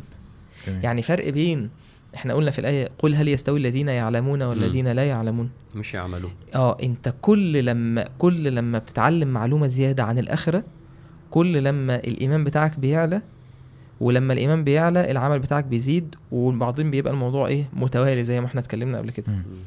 فكل يعني في فرق بين إن واحد عارف مثلا إن هو هيموت ويدخل قبر وفرق بين واحد عارف إنه القبر ده بيحصل فيه كذا والتفاصيل إيه؟ هو الفرق بين ده وده إيه؟ معلومات زيادة. فالمعلومات العلم الزيادة ده لما يبقى علم. ويتحول لعمل الإيمان يعلى أيوه جميل. فدي جزء يعني ده ده يعني انت تبقى فاهم يعني بتبقى فاهمها كده بدماغك بشكل هندسي إن الإيمان لو عندك أركان الإيمان دول زي إيه زي وعاء. بيتملي بيتملي إيه بيتملي علم وعمل. كده بي بيزيد إيمانك بيزيد. في الركن ده أيوه فلو في ركن الإيمان باليوم الآخر انت محتاج ان انت مثلا تجيب كتاب العقيدة مثلا بتاع آه، الشيخ عمر الأشقر مثلا سلسلة العقيدة تقرأ مثلا إيه مثلا القيامه الصغرى اللي هو بتاع الموت وبعدين القيامه الكبرى اللي في علامات الساعة وفي مش عارف إيه وتقرأ مثلا كتاب الجنة والنار يبقى انت بتزود معلومات في جزء اللي هو الركن بتاع الإيمان باليوم الآخر. كل معلومة بتتعلمها بتطبقها إيمانك بيزيد. وهرجع برضه أقول مفيش مفيش أعظم فعلا من القرآن. يعني ما هو الكتاب ده أنا- أنا يعني عارفه. في ضوء الكتاب بس والسنة بس فاهم؟ أنا آه بس أنا جه في بالي إيه؟ إن النهارده مثلا مثلا يعني واحد إيه طيب أنا أيام دلوقتي أصلي قيام فأنا النهارده في القيام إيه مثلا؟ مثلا سورة مريم. خلاص. ه- أنا هعيش مع الآخر شوف آخر صفحة في سورة مريم. وهو خلاص هي الآخرة جات له. النهارده عندي سورة النجم خلاص. هقعد مع ه- هيقرأ شوية في سورة النجم هي... هيعيش مع الآخر النهارده هو هو هو متسيستم هو لو متواصل مع القرآن هو متواصل مع الآخر صح فالموضوع هيبقى سهل مم. ف أيوه صح يعني أنت لو صح لو. بتصلي في المسجد أصلا آه، هتلاقي نفسك بتتعرض لده آه، طبعاً. ده طبعا على الأقل مرة يعني. في اليوم هتلاقي نفسك في العيشة مش عايزين بقى. ننزل للمستوى بتاع إيه النص صفحة بتاعت العشاء. يعني عايزين ال- الانتراكشن يبقى أعلى شوية. لا أنا مش قصدي على. كده مش قصدي على كده. أنا قصدي قصدك وجود القرآن؟ قصدي إن أنت هتتعرض للآخرة سمع. دايما يعني. طبعا. مم. هو هو وإن أنت وإن أنت دلوقتي لفت نظري إنه الآخرة موجودة في, في, في أي صفحة في القرآن 100% دي هتخليني منتبه لده هتخليني بدور على ده. صح لما حلو اسمع حلو لما أسمع حاجة آه هي دي يعني وده وده من الحاجات اللي الناس بت- بتدعو ليها إنك اعمل ختمه مم. عن الآخرة. أيوه. يعني أنت بتقرأ عشان تشوف الكلام عن الآخرة بس. مم. وإزاي إنه الآيات هنا بتاعت آه ربنا مثلا هو بيتكلم عن أمر معين في التشريع فالآية اللي بعديها جابها عن الآخرة. عشان إزاي الآيات دي بتودي لدي ودي بتودي لدي ودي بتسلم لدي. فتلاقي القرآن كله هيصبح هيتحول في الآخر تذكرة عن ده الآخر في حتة برضو عن الإيمان إنه هو مش بس فكرة عشان أنا كان عندي آه، تساؤلات في إنه في أحاديث مثلا اللي هو إيه لا يؤمن أحدكم أحدكم حتى كذا مثلا فاهم. فهل ده. مقصود بيه يا رسول الله إنه مثلا لو أنا ما عملتش كذا اللي هو مثلا حتى يحب لأخيه ما يحب لنفسه. فده هل ده معنى كده إن أنا مش مؤمن فهو ال ال الفكرة إنه ما هياش بس فكرة إن أنت الإيمان ده حاجة معاك وخلاص هتغيب وأنت بقيت كافر. هو مش مش هو ده مش دي الفكرة. أنا الكوباية بقى اللي هو. آه بالظبط. أنا أنا عايز أعكس الموضوع ده على فكرة إن مثلا لو أنت بتكون أنت عايز تكون بني آدم. آه، بيعرف آه، يفانكشن صح في الدنيا. ماشي؟ مم. يعيش الدنيا صح. يعيشها. زي ما ربنا سبحانه وتعالى يريد. يريد ليه يعني. تمام؟ ف... فلو أنت مؤمن بالآخرة زي ما إحنا قاعدين بنتكلم. انت هت... هتظبط. يعني انت حياتك هتمشي صح. انت هتستقبل ال- المصايب أو المشاكل بطريقة احسن. انت. هتتعامل مع الاذان بطريقة احسن. انت لما حد يقول لك اسمع درس كذا هتلاقي ان ده متماشي معاك. انت هت... هت... هتبر اهلك. انت هتفانكشن صح. فهي ما هياش فكرة بس انه إيه آه اي حاجة بتتقالك اللي هو آه ده انت وحش ده انت لأ. يعني انت مش مؤمن دي انت انت انت محتاج ده ليك. أيوه صح. هو هو في الحديث اللي انت بتقوله اللي هو آه، مثلا لا يؤمن أحدكم حتى يحب لأخيه ما يحب لنفسه أو مثلا لا يزني الزاني حين يزني وهو مؤمن. آه. مش معناها نفي أصل الإيمان زي ما انت بتقول. إن هو مش, مش ما بقاش كافر. بالظبط كده. لكن إن الإيمان بتاعك هو في مراحل بيكتمل مش. هيكتمل أعلى درجة من درجات الإيمان لما يكتمل إن أنت تحب لأخيك ما تحب لنفسك. مم. فالمعنى أنت بتقوله ده حلو يعني. وما هياش حاجات معنوية. يعني مش اللي هو مثلا خلاص اكتمل وخدت شوية بوينتس لا. لا هو بينزل تاني. ده ده أنا قصدي ده ليه أثر على الأعمال بتاعتك. أيوه صح. دي بس هو الإيمان أصلا زي ما كان عامر قبل ح- قال الحديث قبل كده إن بي- بيبلى في جوف ال- أيوه بالظبط. واللي أنت قلته إن أنت بتزوده أنت بتزوده بتجدد بالمعلومات وبالأعمال. أيوه صحيح. تمام بالعلم والعمل. okay. جميل, جميل. خش في الموضوع. هو لسه ما لا دخلناش؟ إحنا لا إحنا ما إحنا إحنا إحنا هنضطر إن إيه نقول حاجات آه، هو كان في حاجة آه، لا مفيش حاجة. أنا حتى مثلاً؟ قلت لشريف أصل هو إحنا مش جايين نتكلم عن واحد ما يعرفش حاجة جاي النهارده يعرف كل حاجة. okay. خالص. إحنا بالعكس إحنا أغلب كلامنا روح اعرف بقى. بعد الحلقة, الحلقة دي شجعتك تروح تعرف؟ drop lights روح اعرف. عشان كده البودكاست ده مش كافي. مم. عمره ما هيبقى كافي. حلو. ف بس هو ده مع الحاجات اللي اتكلمنا فيها قبل كده؟ أيوه البودكاست مهم طبعا. أنا ما بقولش آه. إحنا إحنا اللي بنديه يعني فأكيد إنما أنا قصدي ال- الدار الاخره التعامل معاها لازم يبقى بكثافة عن كده في التفاعل يعني. بالذات إنه لازم يبقى فيه قرآن. حلو. هفضل أقول كده يعني حتى هتسمع هتقرأ كتب زي أنت قلت الشيخ الأشقر هو جايب لك حاجات من القرآن. هو أغلب الناس اللي ماشية صح هتتكلم كده. هتتكلم من القرآن يعني والسنة يعني. طب يلا عدي بقى بينا. آه نبدأ بإيه طيب؟ عشان ما نطولش. أنا شايف ان ال- الحتة بتاعت ب- أصل أنا الحمد لله كل من كل حلقة بطلع. على الأقل حاجة عارف؟ إيه؟ لا حاجة قصدي يعني حاجة مستفيدها يعني أو طيب. حاجة حاجة بطبقها ماشي. عمليا يعني أنا هخرج من الحلقة دي إن شاء الله ب... بال... بالوعي بتاع إنه آه الآخرة دي بتيجي دايما آه في القرآن عارف فبتيجي سواء لو جت بشكل مباشر زي ما أنا آه، في الأغلب هفهم ده لو هي جت بشكل مباشر أو بتيجي في معاني اللي هو مثلا إيه والنجم آه ده النجوم ده اللي مش عارف إيه هتربط بقى فاهم. فدماغك هتشتغل بالطريقة دي فده لا لا. الموضوع أقرب من كده في سوره النجم دي هيجي لك سدرة المنتهى هيقول لك على الشجرة اللي على باب الجنة هيكلمك عن ال- القرآن كده أنا قصدي إن الناس بقى إيه ت- ت- تبقى بتتابع الحلقات آه. وهي في دماغها سواء ده أو دروس أو أي حاجة. إن هو على الأقل حاجة واحدة يطلع عملية. بيها آه طب أنا أنا أنا ال- النقطة اللي عايز أتكلم فيها دي لما أنت ريت. بتقولي قولها لأن أنا أنا من الحاجات اثر بيا جدا في يوم القيامة بداية يوم القيامة مم. ال ال بداية الأهوال يعني إيه النبي صلى الله عليه وسلم قال إنه. إنه ال- القيامة مش بتقوم آه، على كل الناس يعني بيبقى في مثلا عايش في الأرض مؤمنين وكافرين فربنا بيلقي مطر وبيأخذ ريح وبتأخذ بأرواح ال- المؤمنين. وبيتبقى بس ال- اللي ربنا الله. يريد إنه يعيشوا اللحظات دي. اللحظات دي غريبة. مم. والنبي صلى الله عليه وسلم قال برضو من أراد أن ينظر إلى يوم القيامة رأي عين فليقرأ إيه؟ الانفطار والتكوير والانشقاق. أنا كده الثلاث صور دول عشان تشوف. والثلاث صور فعلا تحس إن هم إيه أولهم نصهم كل ممكن يتحطوا كده صورة واحدة هي كلها إذا إذا إذا مفاجأة. إذا إذا دي مفاجأة عارف؟ لما حاجة تحصل حاجة فجاه حاجة, حاجة يوم القيامة إذا. وتقعد تقرأ وتشوف اللي بيحصل. وبعدين من العجيب إنك تجمع عشان بقى ت... يعني وده وده اللي ممكن لما حد يقرأ يشوفه تجمع إيه اللي بيحصل. أصل أنت مرة هتقرأ هتلاقي إذا الجبال سيرت. وبعد كده فينسفها ربي نسفا يعني فانت بقى بعد شوية تقول هي الجبل, الجبال هيحصل فيه إيه بقى فتعرف إن هو آه وبعد كده لأ في الأول الزلزال وبعد ما الأرض تزلزل لأ ده الجبال تتحرك وبعد كده يحصل الصدامات بين الجبال فتحول بعد. كده بعد ما ربنا ينسفها كال كالف وتكون الجبال كالعهن المنفوش تتحول لزي صوف كده عارف لما واحد يلاقي شوية تراب تخيل بقى العالم كله و... و... فالموضوع انت وانت بتقرا تشوف إيه اللي بيحصل في يوم إيه اللي بيحصل في السماء ربنا يبدأ يقول إيه؟ إذا السماء إيه؟ شكرا. ال- الأول بقى في الانفطار الشق الصغير. فطرت آه. الأول بيحصل شقوق وبعد كده وبعدين تخيل صوت السماء وهي بتتشقق. وهي وفي الآخر شقوق عظيمة جدا. وبعد كده ربنا في سورة الرحمن آه كالمهل. يوم تكون السماء كالمهل آه لا، لا، لا. في سوره الرحمن وإذا فاذا وردة- شقت السماء وردة فكانت. وردة كالدهان بتحول بتحمر وبعد كده تحول لزيت يسيل فتكون وتكون السماء كالمهل. فتكون السماء كالمهل فالسماء تبدأ تقع.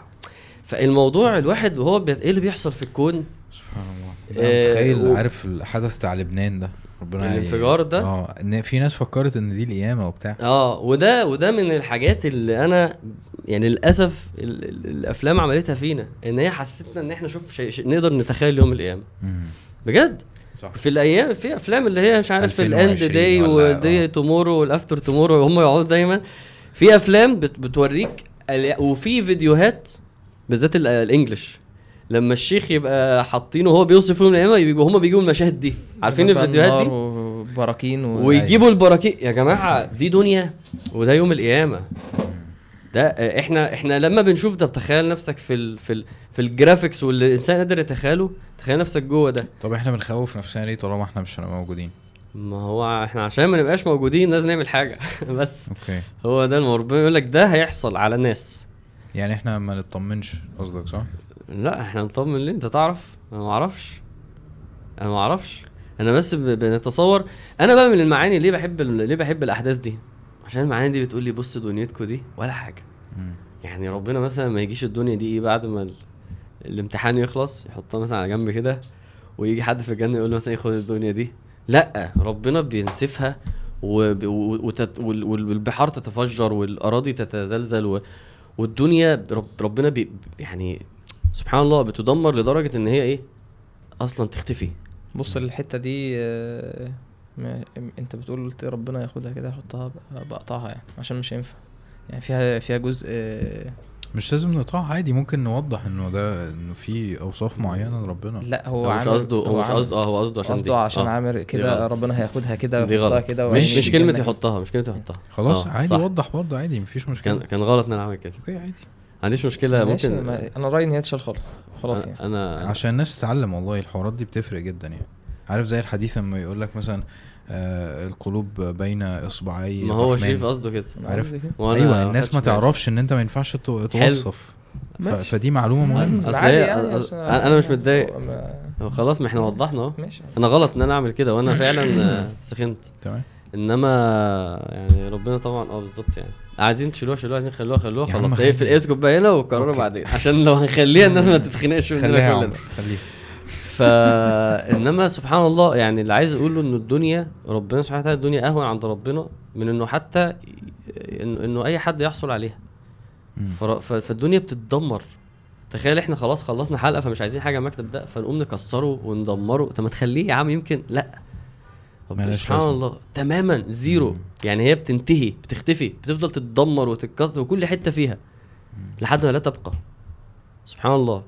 فالواحد هو بيقرا يقرا بس إيه ربنا وهو بيوصف آه، إيه اللي بيحصل في الدنيا؟ وإذا القبور بعثرت وربنا ب- البحار سجرت ودي برضو من ال- الكلام إيه اللي بتحصل في البحار؟ لأن هي ليها كذا مرحلة.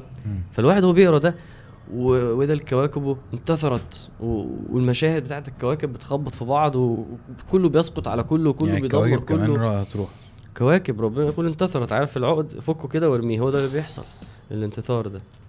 سبحان الله. يعني مشاهد بداية الأحداث مفاجأة وكله بيخبط وفوضى فظيعة و... و... فعلا صدمات يوم القيامة صدمات فعلا. ف إيه يا رب ده؟ ليه؟ إيه الموضوع؟ إيه اللي هيحصل؟ من, أولها كده. سبحان يوم, الله. يوم عظيم. آه. سبحان الله. فدي الحاجات اللي اثر فيها جدا جدا. بقول لكم إزاي؟ بالذات معنى هي دي الدنيا يا جماعة هي, بتبوظ ليه؟ هي في العربيات بتتخبط وال تحس آه، يعني سبحان الله فعلا. إزاي الدنيا دي أهون من كده فعلا يا جماعة؟ أنت إيه بيأثر فيك؟ آه، مشاهد ال قول بقى.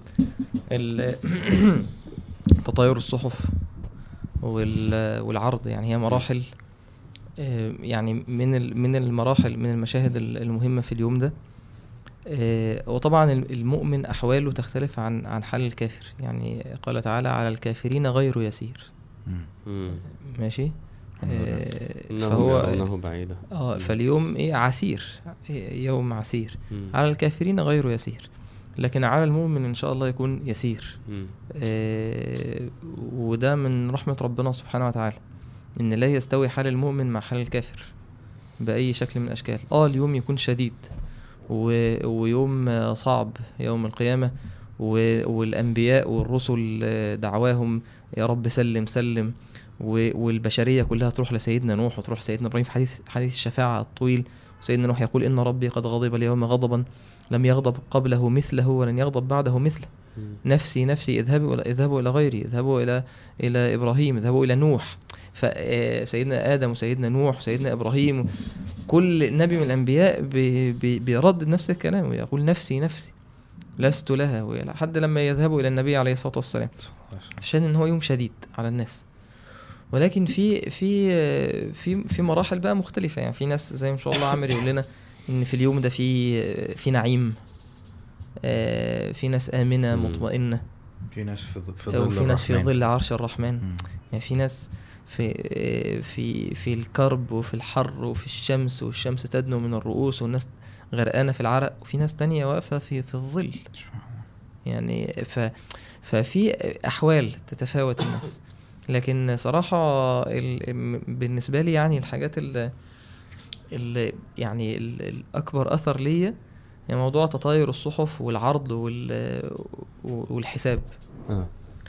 إن مشهد مشهد سورة ال- الحق يعني ربنا سبحانه وتعالى قال فإذا نفخ في الصور نفخة واحدة وحملت الأرض والجبال فدكتا دكة واحدة فيومئذ وقعت الواقعة وانشقت السماء فهي يومئذ واهية وال- يعني إيه، ضعيفة.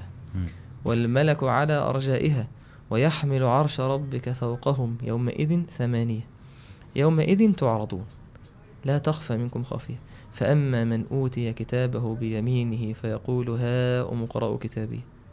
يعني إيه لحظة يعني دي دي لحظة اللي هي الإنسان أصلا عايش عشانها يعني. يعني هي نهاية ال- الامتحان. اللي هو خلاص أنت خلصت والنتيجة بتطلع فصحيفة الأعمال وإن أنت بتاخدها باليمين. يعني أصلا فكرة إن أنت تفكر في في ده تشوف نفسك أصلا واقف في المشهد ده وإن الصحف بتتطاير وأنت ب- بتاخد الكتاب باليمين. تخيل فرحة الإنسان ده إيه يعني؟ يعني إيه إيه يعني يعني ممكن واحد في الدنيا يفرح بالنتيجة بتاعته إن هو نجح أو كده أو أو رزق بولد أو. فتخيل فرحة واحد إن هو بياخد صحيفة الأعمال ويلاقي إن هو إيه ده؟ نجح. خدها باليمين يعني هو مم. مجرد إن إيه؟ خده باليمين فخلاص. هو عارف إن هو خلاص كده من أهل اليمين من أهل الجنة. نجح. سبحان الله. فمشاعر الفرح ال ال ال القرآن بيصور المشهد ده السعادة. هاؤم اقرأوا كتابي. واحد من بيجري على الناس كلهم يقول له إيه؟ هقوم يعني اهو. خد اقرأوا على الناس ولا على الملائكة؟ كل على على الناس. أرض هو المحشر خلاص ده واحد خرج من لقطة الحساب. خلص آه. لقطة الحساب. هاؤم اقرأوا كتابية. إني ظننت أني أنا كنت موقن في الدنيا أني ملاق حسابية مم. يعني هو فاكر إنك اللي إحنا بنقولها. عارف آه. إنك هتحاسب حلو قوي ما عندوش النسيان بقى شوف شوف ال- الوصف كده مم. يعني هو وصف السعادة بتاعته في أرض المحشر. قال فهو في عيشة راضية.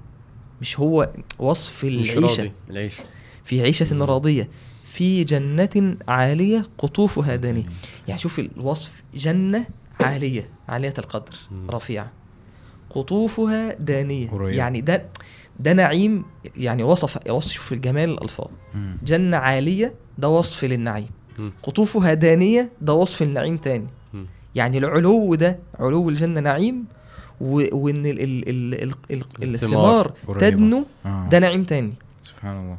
شوف زيادة على ده كلوا واشربوا هنيئا. يا. يعني يعني عارف كل وبسط إيه إيه احل عليكم رضواني فلا أسخط عليكم بعده ابدا. كلوا. واشربوا هنيئا بما أسلفتم في الأيام الخالية.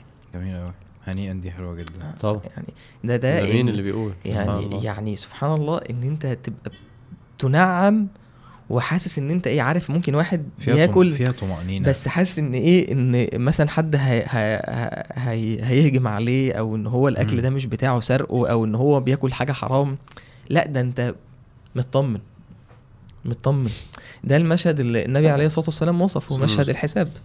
لما ابن عمر قال في حديث العرض الم- المناجاة قال يدني الله سبحانه وتعالى عبده المؤمن ويض يدني يعني يقربه. والتقريب ده آه، ده يدل أصلا رحمة يعني ربنا يقربه ويضع عليه كنفة يعني يستره علشان محدش آه، يسمع الحساب. لأنه فكرة ان الإنسان في ناس بقى الع- العقوبة بتاعتها إن هو يفضح بقى على رؤوس الأشهاد على رؤوس الناس كده منافق واللي كان ده في منافق ويرفع لواء الغدر هذه غدرة فلان. دي عقوبة إن هو يفضح فمن رحمة ربنا بالمؤمن إن هو يستر. ف... ف... فيقرره بذنوبه. يقول عملت كذا وكذا يوم كذا وكذا. وده أنا عايز أقول إن ده من صور النعيم. حاجة عجيبة الصراحة. ده من صور النعيم. يعني من من من النعيم إن ربنا يقرر الإنسان بالذنب يقول له أنت عملت كذا. فالعبد يرى في نفسه أنه هلك. يقر العبد يقول بلى ويعترف. حتى يرى في نفسه أنه هلك. فيقول سترتها عليك في الدنيا وأنا أغفرها لك اليوم. سترتها عليك في الدنيا فما ما اتفضحتش في الدنيا. و و وإنت تبت من الذنب ده فأغفرها لك اليوم يعني لا تعاقب عليه.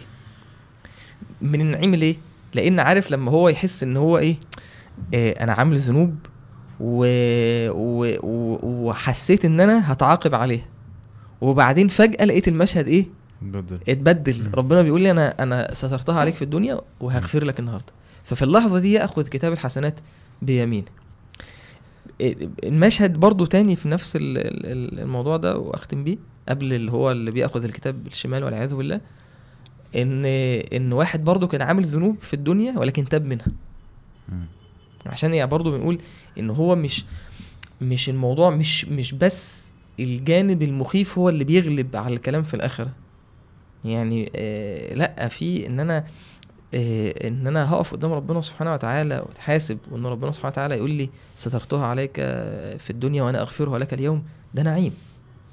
مشهد تاني إن النبي عليه الصلاة والسلام قال آه إني لا أعلم آه آخر أهل الجنة أو رجل يؤتى به فيقول الله سبحانه وتعالى للملائكة نحوا عنه كبار ذنوبه خلي الكبائر بتاعته إيه؟ في جنب كده. يعني إيه؟ إيه شيل بقى الزنا وشيل ال- ال- السرقة وشيل الكذب وشيل الغيبة وشيل العقوق. نحو عنه إيه؟ ماشي. كبار ذنوبه واعرضه عليه صغارة. يعني خلي ال- صحيفة الأعمال الكتاب فيه إيه؟ الصغائر بس. ماشي. حاجات اللي هي البسيطة كده. ف... فالملائكة تقول له عملت كذا وكذا يوم كذا وكذا. دول إيه؟ صغائر. يعني بيقرأ الصغائر. ف... فالإنسان يرى في نفسه أنه هلك. وهو مشفق في الحديث كده وهو مشفق من كبار ذنوبه أن تعرض عليه. يعني بيقول لما دي الصغائر. ووضع الكتاب آه، آه، ترى ف- المجرمين آه، مشفقين. فترى المجرمين مشفقين مما فيه ويقولون يا ويلتنا ما لهذا الكتاب لا يغادر صغيرة ولا كبيرة. إلا أحصاه ووجدوا ما عملوا حاضرة ولا يظلم ربك أحد. فهو بيقول وهو مشفق من كبار ذنوبه أن تعرض عليه. ف- فربنا سبحانه وتعالى يقول للملائكة تقول له فإن لك مكان كل سيئة حسنة. يعني أنت تبت فالسيئات اتبدلت حسنات. فيقول يا ربي عملت أشياء لا أراها هنا. إن لي ذنوبا لا أراها. فين أمال فين؟ يعني متخيل إن هو بيقول لربنا بيقول له أنا عملت كبائر. يعني واقف قدام ربنا بيقول له لا أنا كنت عامل كبائر هنا مش لاقيها. فين الكبائر؟ من من ساعة يعني شوف إن أبو ذر بيقول فضحك النبي صلى الله عليه وسلم حتى بدت نواجذه يعني النبي عليه الصلاة والسلام ضحك. يعني وضحك جامد عليه الصلاة والسلام. لأن لأن في إيه؟ يعني سبب ضحك النبي عليه الصلاة والسلام إيه؟ بيان رحمة ربنا سبحانه وتعالى. أنا هو بقعد أقول إيه؟ طب هو ليه ربنا؟ يعني ليه ربنا عمل معاه كده يعني. تلطف. ففعلا أيوه. التلطف أنت فاهم فين؟ يعني أنت فاهم تلطف في إيه؟ يعني أنا ممكن أتلطف معاك لما بعزمك عندي في البيت فيعني فاهم قصدي؟ إنما ده ربنا بيحاسبه وهو يعني هو متلبس. يعني هو هو في يوم القيامة يعني مش قصدي إن ده مش موضوع تلطف وخلاص ربنا عمله ده هو قمة الرحمة. بس إحنا عشان ما ندركش رحمة ربنا مش متخيلين إنه هنا يحصل كده. مع ده. يعني ممكن ربنا يتلطف مثلا تصوري بقى عن الرحمة مع النبي صلى الله عليه وسلم. مش فاهم؟ يوم القيامة بقى وأنت عملته. ف إنما ده يا رب بت... طب أنت رحمتك بقى فعلا يا رب. آه، حاجة بقى أنا لا أتصورها لأني مش متخ... إيه أنا لسه متعجب من اللي أنت بتعمله. فأنا مش مدرك الرحمة. في الحديث لو تعلمون قدر رحمة الله لاتكلتم عليه. امم وحديث آخر آخر أهل النار خروجا منها لما تيجي بقى لما آه، نيجي آه الكلام عن عجيب. والنار ده. أنا أنا أنا مبسوط جدا إن أنتوا يعني حاسس حاسسكم متمزجين وأنا مبسوط الصراحة إن أنتوا قاعدين بتقسموا كده. لا أنا اصلي مش. تقسيم يا عم بس الحاجات دي بتأثر. يعني أنا وأنت بتقول من شوية إن ربنا بيضع عليه كنفه. طب ليه؟ يعني أنا يعني أنا. ليه نستاهل؟ لا؟ لا لا يعني أنا لو جيت يوم القيامة وربنا أنت عملت يعني إحنا مثلا لو دخلنا الجنة وكت... و... وطلعنا شفنا إحنا يعني ربنا ورانا إحنا عملنا بس إحنا خلاص قاعدين في الجنة. ماشي خلاص فاهم قصدي؟ يا عم أنت عملت بلاوي وأنا عملت بلاوي وخلاص بقى المستخ... هتمشي صح؟ يعني مش يعني مش هبقى قاعد في الجنة متقدر ولا مكسوف منك. بس ربنا برضه ما يرضاش ده. يعني ربنا ما, يحبش ده. لا خليها خلاص بيني وبينك ومحدش ولا حد يشوفها ولا طب ليه ما أنا هبقى في الجنة وخلاص؟ ما حدش هيعايرني ولا هيعايرني هعايره. لا ربنا ما يرضاش ده. سبحان الله فعلا يعني. من الصور بقى اللي يعني إحنا ذكرنا الجانب اللي هو آه، جانب من ربنا سبحانه وتعالى آه، يرحم الإنسان ال- المؤمن. في جانب تاني اللي هو الفاجر أو المنافق إن ربنا سبحانه وتعالى يقول للعبد فيلقى قال فيلقى العبد. في حديث في صحيح مسلم برضو قبله مقدمة كده عن رؤية الله وبعدين بيقول فيلقى العبد. فيقول أي فل يعني تصغير لفلان. أي فل ألم أكرمك وأسودك وأزوجك وأذرك ترأس وتربع؟ تربع يعني إيه؟ إن أنت يعني إن أنت يبقى ليك آه، سلطة وإن رب- أنت تت- تتربع. ربعي ربعي يعني آه، في الخليج يعني ربعي يعني صحابي. يقول لك ربعي هيجيبوها معايا وكده. زي صحابي وعزوتي و... آه. أها. آه. أذرك ترأس وتربع. فقال ف ف فيقول بلى العبد يقر بالنعم. فيقول أفظننت أنك ملاقية فيقول لا. فيقول فإني أنساك كما نسيتني. يعني أنا إن مثلا لو حد من الملحدين أو اللي, اللي, اللي هو في الدنيا بيسخر من ربنا ويسخر من النبي عليه الصلاة والسلام ومن القرآن وهو واقف الم- الموقف ده وأن ربنا سبحانه وتعالى يقول له أي فل ألم أسودك وأزوجك وأذرك ترأس وتربع مش مش اديتك وأنعمت عليك؟ فيقول بلى. فيقول أظننت أنك ملاقي؟ يقول له لا. فيقول فإني أنساك كما الله. ويتكرر المشهد لحد ما يجي آخر, آخر واحد المنافق. قال فيقول آه، آه، فيقول أي فل ألم أكرمك وأسودك وأزوجك وأسخر لك الخيل والإبل وأذرك ترأس وتربع؟ فيقول بلى أي ربي. فيقول أفظننت أنك ملاقي فيقول لا. فيقول فإني أنساك كما نسيتني. ثم يلقى الثالث. قال فيقول له مثل ذلك. فيقول يا ربي التالت ده بقى المنافق. فيقول آمنت بك وبكتابك وبرسلك. بتعجب واحد واقف قدام ربنا ومتخيل إن هو ممكن يخدع ربنا سبحانه وتعالى. فيقول آمنت بكتابك وبرسلك وامنت بك وبكتابك وبرسلك وصليت وصمت وتصدقت. ويثني بخير ما استطاع يثني على نفسه. فيقول ها هنا إذن. قال ثم يقال له الآن نبعث شاهدنا عليك. ويتفكر في نفسه.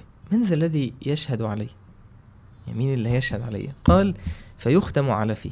قال تعالى اليوم نختم على أفواههم وتكلمنا أيديهم وتشهد أرجلهم بما كانوا يكسبون. قال وقالوا لجلودهم لجلودهم لما شهدتم علينا. قالوا أنطقنا الله الذي أنطق كل شيء.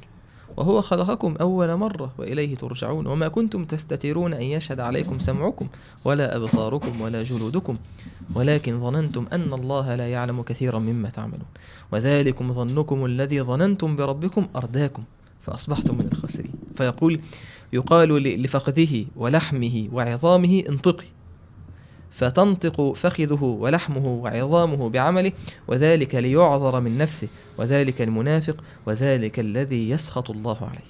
والعياذ بالله سبحان الله عارف أنا. أنا وقفت فين مم.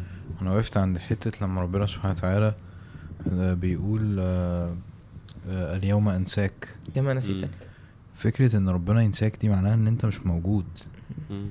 مم. يعني يعني إيه ربنا ينساك عارف مم.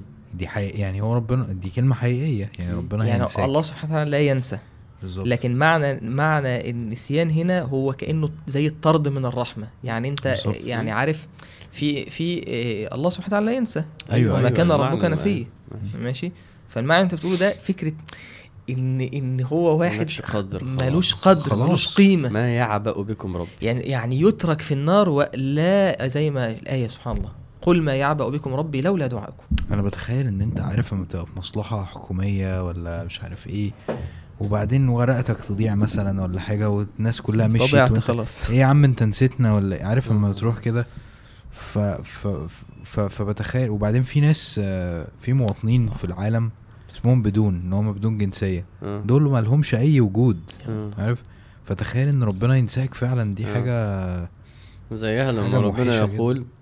آه، النبي صلى الله عليه وسلم قال وربنا برضه في القرآن إنه ربنا إيه؟ لا ينظر إليه ولا يكلمه ولا. يزكيه. يوم القيامة لا ينظر إليه. أنت كل اللي عايزه ربنا ينظر ليك نظرة رحمة. يا الله. لا مش هيش مش لا ينظر إليه ولا يكلمه. قال اخسأوا فيها ولا تكلمون يا الله. ففي في ده وفي ده. وفي فعلا سبحان الله كنت دايما أظن إنه أصل أنت فعلا يوم القيامة متلبس صوت وصورة. ووجدوا وعملوا حاضرا والكتب ف ففي القرآن كتير ربنا أخرجنا منها فإن عدنا فإن القرآن أغلبه ده ما عدا الفئة اللي شريف ذكرها دي فئة فظيعة.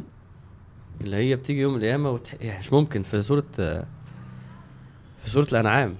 ويوم آه ويوم يحشرهم جميعا آه ثم نقول الذين أشركوا أين شركاؤكم الذين كنتم تعبدون.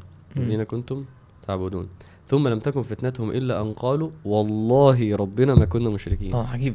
إيه ده؟ واقف قدام ربي يحلف. والله ربنا ما كنا مشركين. ربنا يقول إيه؟ انظر. انظر كيف كذبوا على أنفسهم. بص إيه ده؟ فعلا في ناس كده بقى. ف... فالايات بقى لما على تيجي أنفسهم مش آه على ربنا. آه طبعا. يعني ما جاتش أصلا ما آه عدتش. فالحاجات دي لما تجيلنا عشان للأسف لما الشيطان فعلا مصور لنا يوم القيامة بتصور تاني خالص. أنا أكتر آية بترعبني يا رب أفتكرها آم، إنه آه، لما لما لما الكفار يقولوا ربنا سبحانه وتعالى آه، ارجعنا نعمل صالحا مش. كده؟ فربنا سبحانه وتعالى يرد يقول إيه؟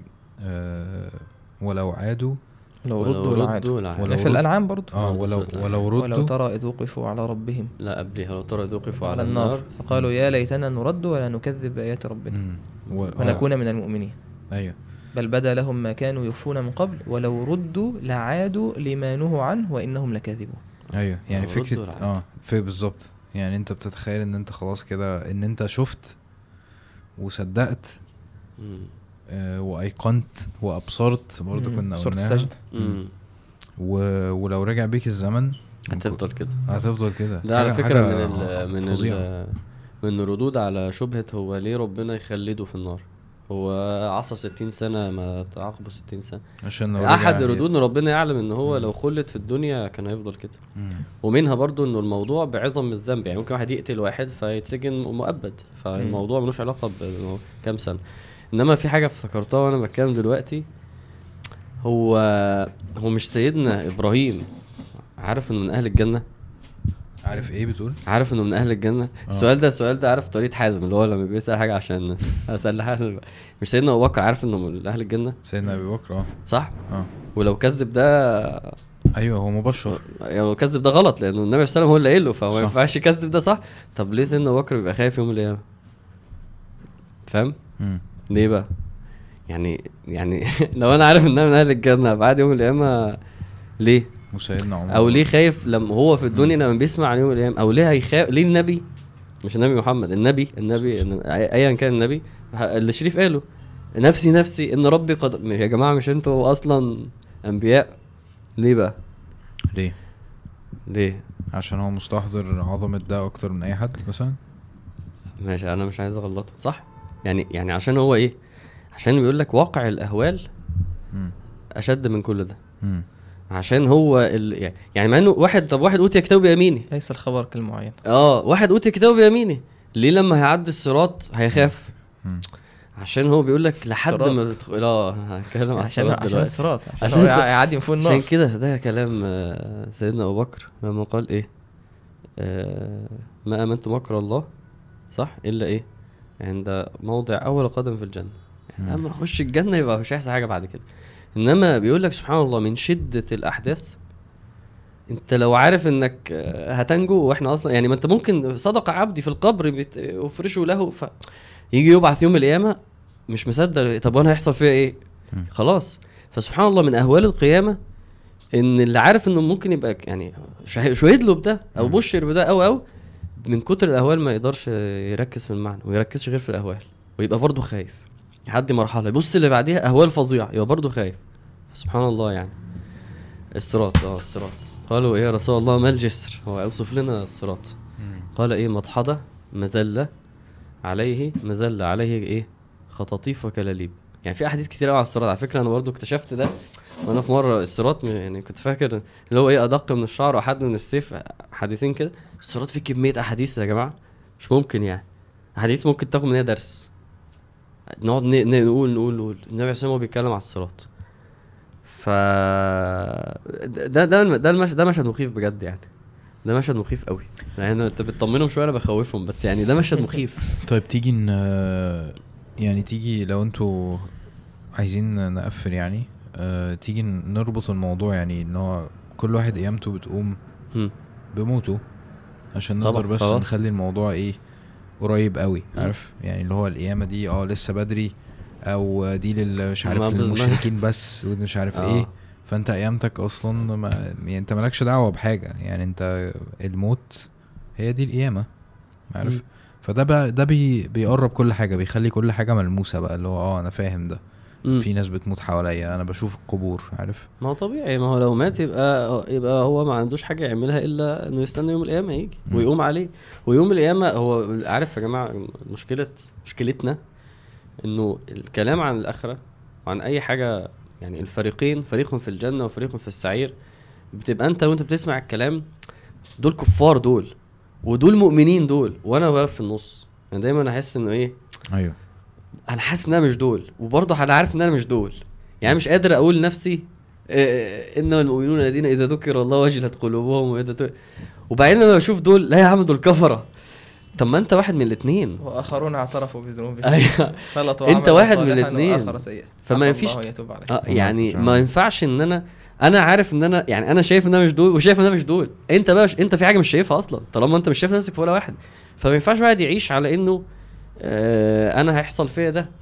خصوصا إنه النبي صلى الله عليه وسلم هو إحنا يعني شريف هو ك- عليه الصلاة والسلام. أحوال الناس يعني النبي صلى الله عليه وسلم قال مثلا يحشر المتكبرون أمثال الذر أو أمثال النمل. حديث كده وحديث كده.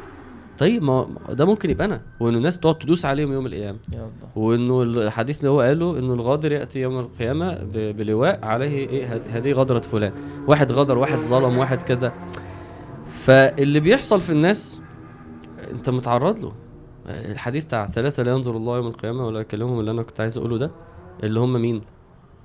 ال- العاق لوالديه. يا الله. أهو خلاص كده. دخلنا فيه. إلا إن ربنا فعلا يعفو عننا ويتوب يعني أنا هل أنا سلمت من ده؟ بعد كده قال برضو إيه المرأة المترجلة والديوث. يا آه فأنت بتقرأ الاثنين دول؟ في ناس الحمد آه، لله. كتير قوي سبحان الله. آه المرأة المترجله تحلق شعرها إزاي أو ال- والديوث فأنت بتحس يمكن إيه؟ الحمد لله. طب ودي طيب ما أنت رحت فين؟ العق دي تعالى. فلا تقل لهم اف مش هنحور. ف ف... سهلين قوي. أيوه شفت؟ مع إن أنت لو كنت بدأت بدول بما اعطى في رواية. إيه؟ منان بما اعطى آه ديوث دي- ديوث. دول ثلاثة تانيين. ديوث دي سهلة قوي يعني يعني مش مع- في زماننا ده سهلة جدا. مش معناها بس إن أنت مراتك بتخليها لأ يعني لو مراتك حجابها مش مظبوط لو يعني في معاني كبيرة جدا. والمترجلة دي اللي هو ال feminist feminism يعني الحوار واسع قوي يعني مين قال لك الله الله و- واسع واسع. يعني واسع واسع وممكن يشمله يعني قياسا حاجات وممكن لأ. بس- عالية يا أستاذ حازم خد بالك. بس هو أنت دخلت خبطت خبطتين. لأ المرأة المترجلة بقى خبطت في الديوس وخبطت في عليها. الفلوس مرة- مرة واحدة كده في حلقة واحدة. لأ وفي مفهوم عمرو. وفي مفهوم لا، لا، المخالفة. اللي هو ال- الراجل ال- شيلها يا عم. شيلها عمرو ف الفكرة بس في إنه الواحد طب ما أنت لما تقرأ برضو مثلا طب الناس إن شاء الله سبعة يظلهم الله بظله طب مم. طب شاب نشأ في طاعة الله أنا شاب سهلة برضه ونشأت. سهلة برضه بس؟ هل أنا شاب ونشأ في طاعة الله. فاهم أنا مع يعني فعلا وأنت بتقرأ أصلا مشكلة السبعة دول إن أنت اللي, اللي ينفع تجيبه أنا أنا أصلا بشوف الحديث ده كده ده رأيي أنا اللي ينفع أجيبه مش سهل يعني يعني في حاجات إمام عادل. فحتى بتلاقي القياس عليها امام بقى في بيته امام في شغله عشان يحاول إيه بص حاول تجيبها. اللي طا... أو مثلا رجل دعته امرأة ذات منصب فقال إني أخاف الله. يا عم أظبطها هي إزاي؟ أصلا ما بتردش على الازر فاهم؟ يعني يعني في حاجات بعيدة شوية. وفي حاجات قلبه معلق بالمساجد. يعني هو مش بيصلي في المسجد. هو لو بيصلي في المسجد ممكن أحاول أجيبها. ده قلبه معلق بالمس... بالمش مش مسجد. هيجيب قلبي إزاي ده؟ ده قلبه معلق بالمساجد. أي مسجد ها؟ أيوه. أنا ده بتجي لك الشكوى بتاعت أنا مش عايز أصلي في المسجد ده عشان آه، الراجل صوته مش ع- هي يعني أنا قصدي إيه؟ أنا مش ب... أنا مش عايز أقول غير إنه موضوع يوم القيامة موضوع حساس وكبير ويشملنا كلنا. سواء اللي هيحصل فيه حلو أو اللي هيحصل فيه وحش يعني إحنا ما ما مش مش محطوطين مش متقال والله. مش متقال إحنا مش زي سيدنا عكاشه اللي هو إيه؟ عكاشه سيدنا عكاشه أنا هو- شريف أصلا ما بيحبش نقول الحديث إلا من أوله. فبصيت له. سيدنا عكاشه لما النبي صلى الله عليه وسلم وصف أوصاف ناس صلى الله معينة. عليه وسلم. صلى الله عليه وسلم. وصف أوصاف ناس معينة ب يعني فكرة التوكل والتعلق بربنا وعدم التعلق بالأسباب. فقال النبي صلى الله عليه وسلم إيه؟ سبعون آه سبعون ألف يدخلون الجنة بغير حساب ولا سابقة عذاب. فسيدنا عكاشه قال إيه؟ ادعو الله أن أكون منهم. فقال أنت منهم. فده سي... إحنا مش سيدنا عكاشه سيدنا عكاشه عارف إنه مش هيتحاسب. والنبي صلى الله عليه وسلم دعا له بده. فإحنا مش ده. إحنا هنتعرض للمواقف دي. هنتعرض للصراط. هنتعرض له. في ظل. هتلاقي نفسك طب أنا رايح أقف ولا مش رايح أقف؟ طب العرق. النبي صلى الله عليه وسلم قال إيه؟ إنه ال- العرق ده بناء على إيه؟ بناء على إيه العرق؟ على على قدر الأعمال. تفاوت الأعمال. على قدر الأعمال. على قدر الذنوب. فمنه العرق يصل لركبته يصل لبطنه ومنهم من يلجمه العلق والنبي صلى الله عليه وسلم قال ثم يكسى الناس. طب اللبس ده على أساس إيه؟ آه، العمل برضه. على أساس الدين. لما سيدنا عمر النبي صلى الله عليه وسلم قال له أنت تأتي يوم إيه؟ تجر ثوبك. وأول خلائق يكسى إبراهيم عليه السلام. آه. طب طب أنا هلبس قد إيه؟ طب أنا هعرق قد إيه؟ طب أنا هم هتحاسب؟ هتحاسب قد إيه؟ طب سرعتي على الصراط عاملة إزاي؟ هي دي الحاجات اللي لازم تشغلنا فعلا. مش بقى يا عم آه، أنا مؤمن يا عم أنا كافر. الجزئية. الجزئية بتاعت آه، السبعة. آه. آه، بس يعني إيه حسيت صدقة؟ حسيت ان إيه ان أنت قفلتها عليه لك. لا لا ما اقصدش والله. لا يعني حتى أنا اقف لوحدي اقف لوحدي. حتى رجل قلبه معلق بالمساجد يعني إن هو واحد بيحب بيحب المسجد وبيحب الصلاة يعني ده يعني ممكن إن شاء الله إن شاء الله. نرجو إن إحنا نكون المسجد يعني. الحرام. أنت بتحب المسجد وبتحب إن أنت تصلي في ماشي أنا فعلا ساعات بقفلها كده ولما بتسافر وبعكس آه، حالي في كلامي. المسجد بي- بيوحشك و يعني إن شاء الله. عم اسمه إيه؟ آه. يعني إيه يعني إن شاء الله إيه ربنا يجعلنا منهم يعني من الرجل قلبه معلق بالمساجد. و... وعلى فكرة بالمناسبه رجل دعته امرأة أو ممكن في, في المقابل ممكن بنت إن هي آه، ولد. آه طبعا. دي سهلة على البنات آه تصدق يعني ولد يطلب منها شيء وهو يكون ولد مثلا. آه،. آه،. يدعوها ال- الحرام أو كده وهي ترفض. ورجلين تحبا في الله مفيش حد بتحبه ورجلان؟ تحابا في الله اجتمع انت عارفني عليه. بتاع مصالح. وتفرق عليه. رجلان اجتمع في الله. ورجل ذكر الله خاليا ففاضت عيناه. الصدقه ده انت ده؟ آه، ده أنا أنا بعيط ذكر الله خاليا ففاضت عيناه. شفت صعب والصدقه دي بقى بتوجعني جدا والله. رجل يا عم تصدق خد الصدقة دي. تصدق بصدقة صدق. فاخفاها حتى لا تعلم شماله ما تنفق يمين. يمينه. من ال- من المعاني اللي يعني برضو إحنا عايزين نو- نوصل في الآخر لمعنى أساسي يعني إحنا اتكلمنا عن فكرة ال- إن أنت محتاج إن أنت تفتكر الآخرة على طول مم. وتفهم إن أحوال الناس بتتفاوت على قدر الإيمان والعمل الصالح وإن فرق بين المؤمن فرق بين معاملة الله المؤمن وبين الكافر وإن ربنا سبحانه وتعالى رحيم وإن لا تستوي معاملة المؤمن مع الكافر وإن إذا أنت هتستوي في الأهوال أو في الشدائد في يوم القيامة مع الأنبياء ف ف فده إيه؟ فده أمر يعني ال- الشدائد والشدة دي على على الكل. الإنسان يعظم ربنا سبحانه وتعالى ويعرف وما قال تعالى وما قدر الله حق قدره. إن الناس في الدنيا مش يعني مهما كان الإنسان مش مستوعب عظمة ربنا وقدرة ربنا ولما تشوف ده في أرض المحشر ده زيادة ال- الهيبة والجلال في قلوب الناس تختلف تماما. إيه، إن ال- الكافر بيرى يعني كأن ده مشهد المشهد النهائي اللي فيه ال الإنسان اللي عاش مظلوم في الدنيا قتل وظلم إن إن المشهد النهائي يكون مشهد مهيب. لازم يعني لازم. يعني مش معقولة فعلا تبقى الدنيا دي طبعا طبعا. والتفاصيل دي و... و... والحكمة البالغة فاهم من الخلق والعبودية آخرتها ما تبقاش لازم. أعظم حاجة ف فاهم. ف ف م- من الحاجات اللي إحنا عايزين نخرج. منها إن أنت رك آه. ركز ركز على معنى ال- إيه الأعمال اللي تخلي الانسان يأمن في الآخرة. والإنسان لما بيخاف من ربنا في الدنيا وبيرجو رحمة ربنا ويحذر الآخرة إن ده يخلي مكانه في الآخرة إن شاء الله في م- في مكان كويس. ومنها إن الإنسان يتعامل يتعامل مع الناس في الدنيا ويتعامل مع العباد زي ما هو يحب إن ربنا يتعامل معه من الأحاديث الجميلة في الحساب. هو مم. قول النبي عليه الصلاة والسلام أن رجل حوسب رجل ممن كان قبلكم فلم يوجد له من الخير شيء إلا أنه كان يخالط الناس يعني كان يتاجر وكان موسرا فكان يأمر غلمانه أن يتجاوزوا عن المعسر. كان يأمر غلمان يعني كان مثلا حد بي بي مش معاك. كان بيسلف الناس وحد يجي يستل يرد وقت السداد الدين فيبعث الغلمان الخدم يشوفوا شوفوا فلان لو معاه فلوس يسدد مش معاه تجاوزوا عنه. ينذر آه، ويتجاوز عن المعسر. فقال الله عز وجل كلمة والله آه، آه، عجيبة. قال نحن أحق بذلك منه. تجاوزوا عنه. مم. يعني هو ما عملش خير. برضه مش معنى الأحاديث دي إن الإنسان. ي- إيه يقول خلاص ما هو عادي ممكن إن أنا إيه, إيه لأ هو الأحاديث دي بتساق علشان بيان سعة رحمة الله سبحانه وتعالى وإن اليوم فيه مفاجآت. من من الإنسان يندهش من عطاء الله ومن رحمة الله من كرم الله سبحانه وتعالى. وبرضه في إيه إيه إيه ناس تعذب وإحنا تسحب بالسلاسل النار والعياذ بالله والكافر يهان في هذا اليوم ففكرة إن أنت تتعامل مع الناس زي ما أنت تحب إن ربنا يعاملك يوم القيامة ده أصل. يعني إن أنا عايز ربنا يرحمني ترحم الناس من لا يرحم لا. يرحم عايز ربنا يعفو عني ويغفر لي تعفو وتغفر وتتجاوز.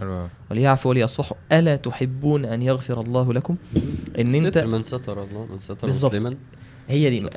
الحديث. من نفس عن مؤمن كربة من كرب الدنيا نفس الله عنه كربة من كرب يوم القيامة. مالوش دنيا أيوة. إن كرب الدنيا المركزية بقى. إيه قيمة كرب الدنيا؟ إن أنا عايز الآخرة. طبعا أنا طبعا عايز إن طبعاً. ربنا ينفس عني كربة من كرب يوم القيامة. ومن يسر على معسر يسر الله عليه في الدنيا والآخرة. ومن ستر مسلما ستره الله في الدنيا والآخرة. والله في عون العبد ما كان العبد في عون أخيه. فده المعنى. يعني ده اللي نخرج منه.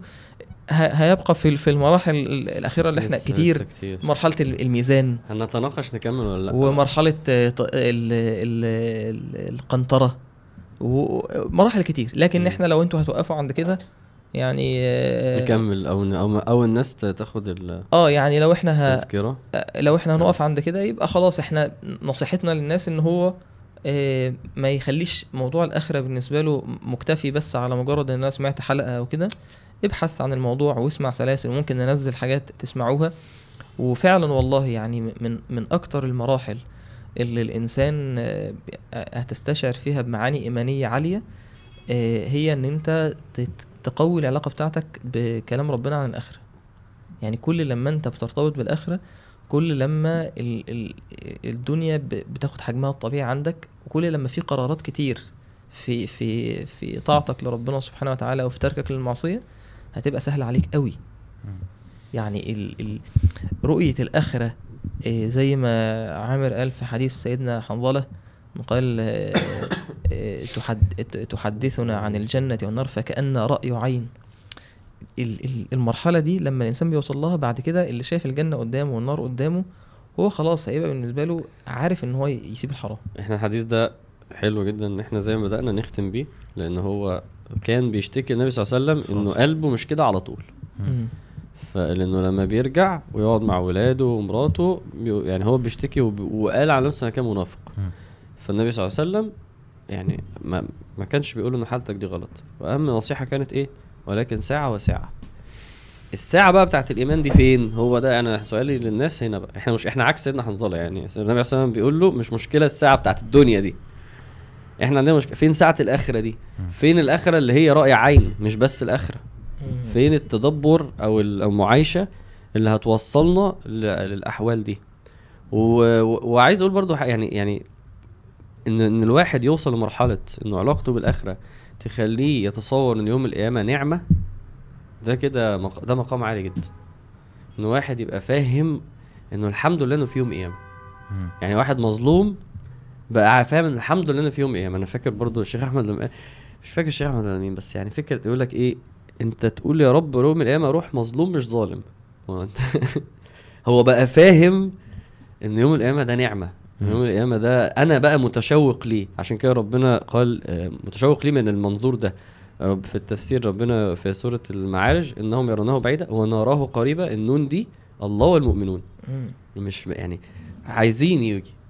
عارفين يا رب أقم الساعة. فبالتالي إنه الواحد يوصل للمرحلة دي أصلا. إنه أهل البلاء لما حتى الحديث حديث آه، يعني مش فاكر أوله بالظبط بس إنه أهل العافية لما يشوفوا ثواب أهل البلاء يودوا لو انهم إيه؟ قردت جلودهم بالمقاريض. فأهل البلاء يسمعوا ده دلوقتي ومش شرط مش شرط مش شرط في واحد فعلا هيفضل مبتلى لحد ما يموت بمرض مثلا مزمن. بس يبقى فاهم إنه أنا عندي أنا يوم القيامة الناس هتيجي تبص عليا عشان أنا هصبر لله فالناس هتيجي تقول لي يا ريتني أنا كان حصل فيا عشان آخد اللي هياخده ده. فيوم القيامة بتحول فاهم لإيه؟ لنعمة. ف فممكن نشوف بقى نكمل ولا مش هنكمل نفكر مع بعض. عايز أكلم الشباب ال يعني إحنا مش مش مش بنتكلم مثلا اللي هو إيه اعملوا زينا عشان تنجوا إحنا ما نعرفش يعني فعلا يعملوا إيه زينا؟ يعني يعني مش مش بنفكر الناس ب بال بالآخرة من باب إنه إحنا مثلا عارفين إحنا بنعمل إيه وإحنا هننجو آه. يعني الكلام اللي أنت كنت بتقوله عن إن أنت مش عارف أنت مع مين فاهم فبس بس في بس في مينيمم كده آم، لازم الواحد يبقى على الأقل معديه عشان يبقى ليه عين إن هو أصلا يعني يبقى متردد كده لو أنا مع دول ولا دول فاهم؟ فكرة الصلاة فكرة إن أول حاجة أنت هتسأل عنها يوم القيامة هي آه. الصلاة عارف؟ فلو أنت أصلا مش بتصلي أو الصلاة مش مظبوطة أو مش عارف إيه فأنت مش مثلا اللي هو طب أنا معدول أنت أصلا ما مش أنت ما جيتش أساسا عارف؟ فأنا أنا بس عايز إنه دي تبقى فرصة لو أنت بتسمع الكلام ده دلوقتي.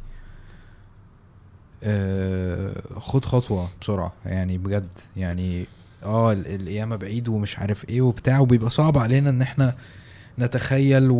ونحس إن هي فعلا آه دي حاجة تخصنا إحنا ومش عارف إيه. بس آه ما تشغلش بالك بده. اشغل بالك بالموت اللي كلنا عارفين إنه اللي صاحبه مات واللي مش عارف مين ولسه بادئ الحلقة بإنه طفلة ماتت والولد اللي لسه ميت ومش عارف إيه. فهي دي قيامتك. فامتى بقى؟ يعني انت انت مش مصدق. ان ان انت هتموت مش مصدق ان في آخرة مش مصدق ان في حساب. انت اتخدعت ان إحنا هي دي هو إحنا في حق إحنا الدنيا دي مش حقيقية. مم. فما تتخدعش ما تتخدعش وفوق. أنا دايما بحاول وأنا بقول الحاجات دي بحاول اتخيل حد بعينه عارف؟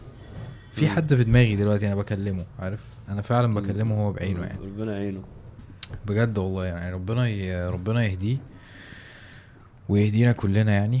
أه بس إيه صلوا يعني. لو لو هنظبط حاجة واحدة اللي ما بيصليش يصلي. اللي بي آه، صلي يصلي جماعة. اللي بيصلي جماعة يصلي في المسجد. يصلي اللي بيصلي دي. يصلي ستة. اللي بيصلي خمسة يصلي سنن. أيوه بجد؟ ده ده ده ده إيه، سبحان الله وأنت بتقول آه، الساعة آه، القيامة بعيد يعني. افتكرت الآية في الأحزاب سورة الأحزاب يسألك الناس عن الساعة قل إنما علمها عند الله وما يدريك لعل الساعة تكون قريبة. فأنت مش عارف يعني. لازم نصدق ده. آه يعني. يعني هو مش كلام. سبحان الله لازم ده كلام كلام ربنا سبحانه وتعالى. ماشي. سبحانك اللهم وبحمدك. أشهد أن لا إله إلا أنت أستغفرك وأتوب إليك. والحمد لله رب العالمين. السلام عليكم ورحمة الله وبركاته.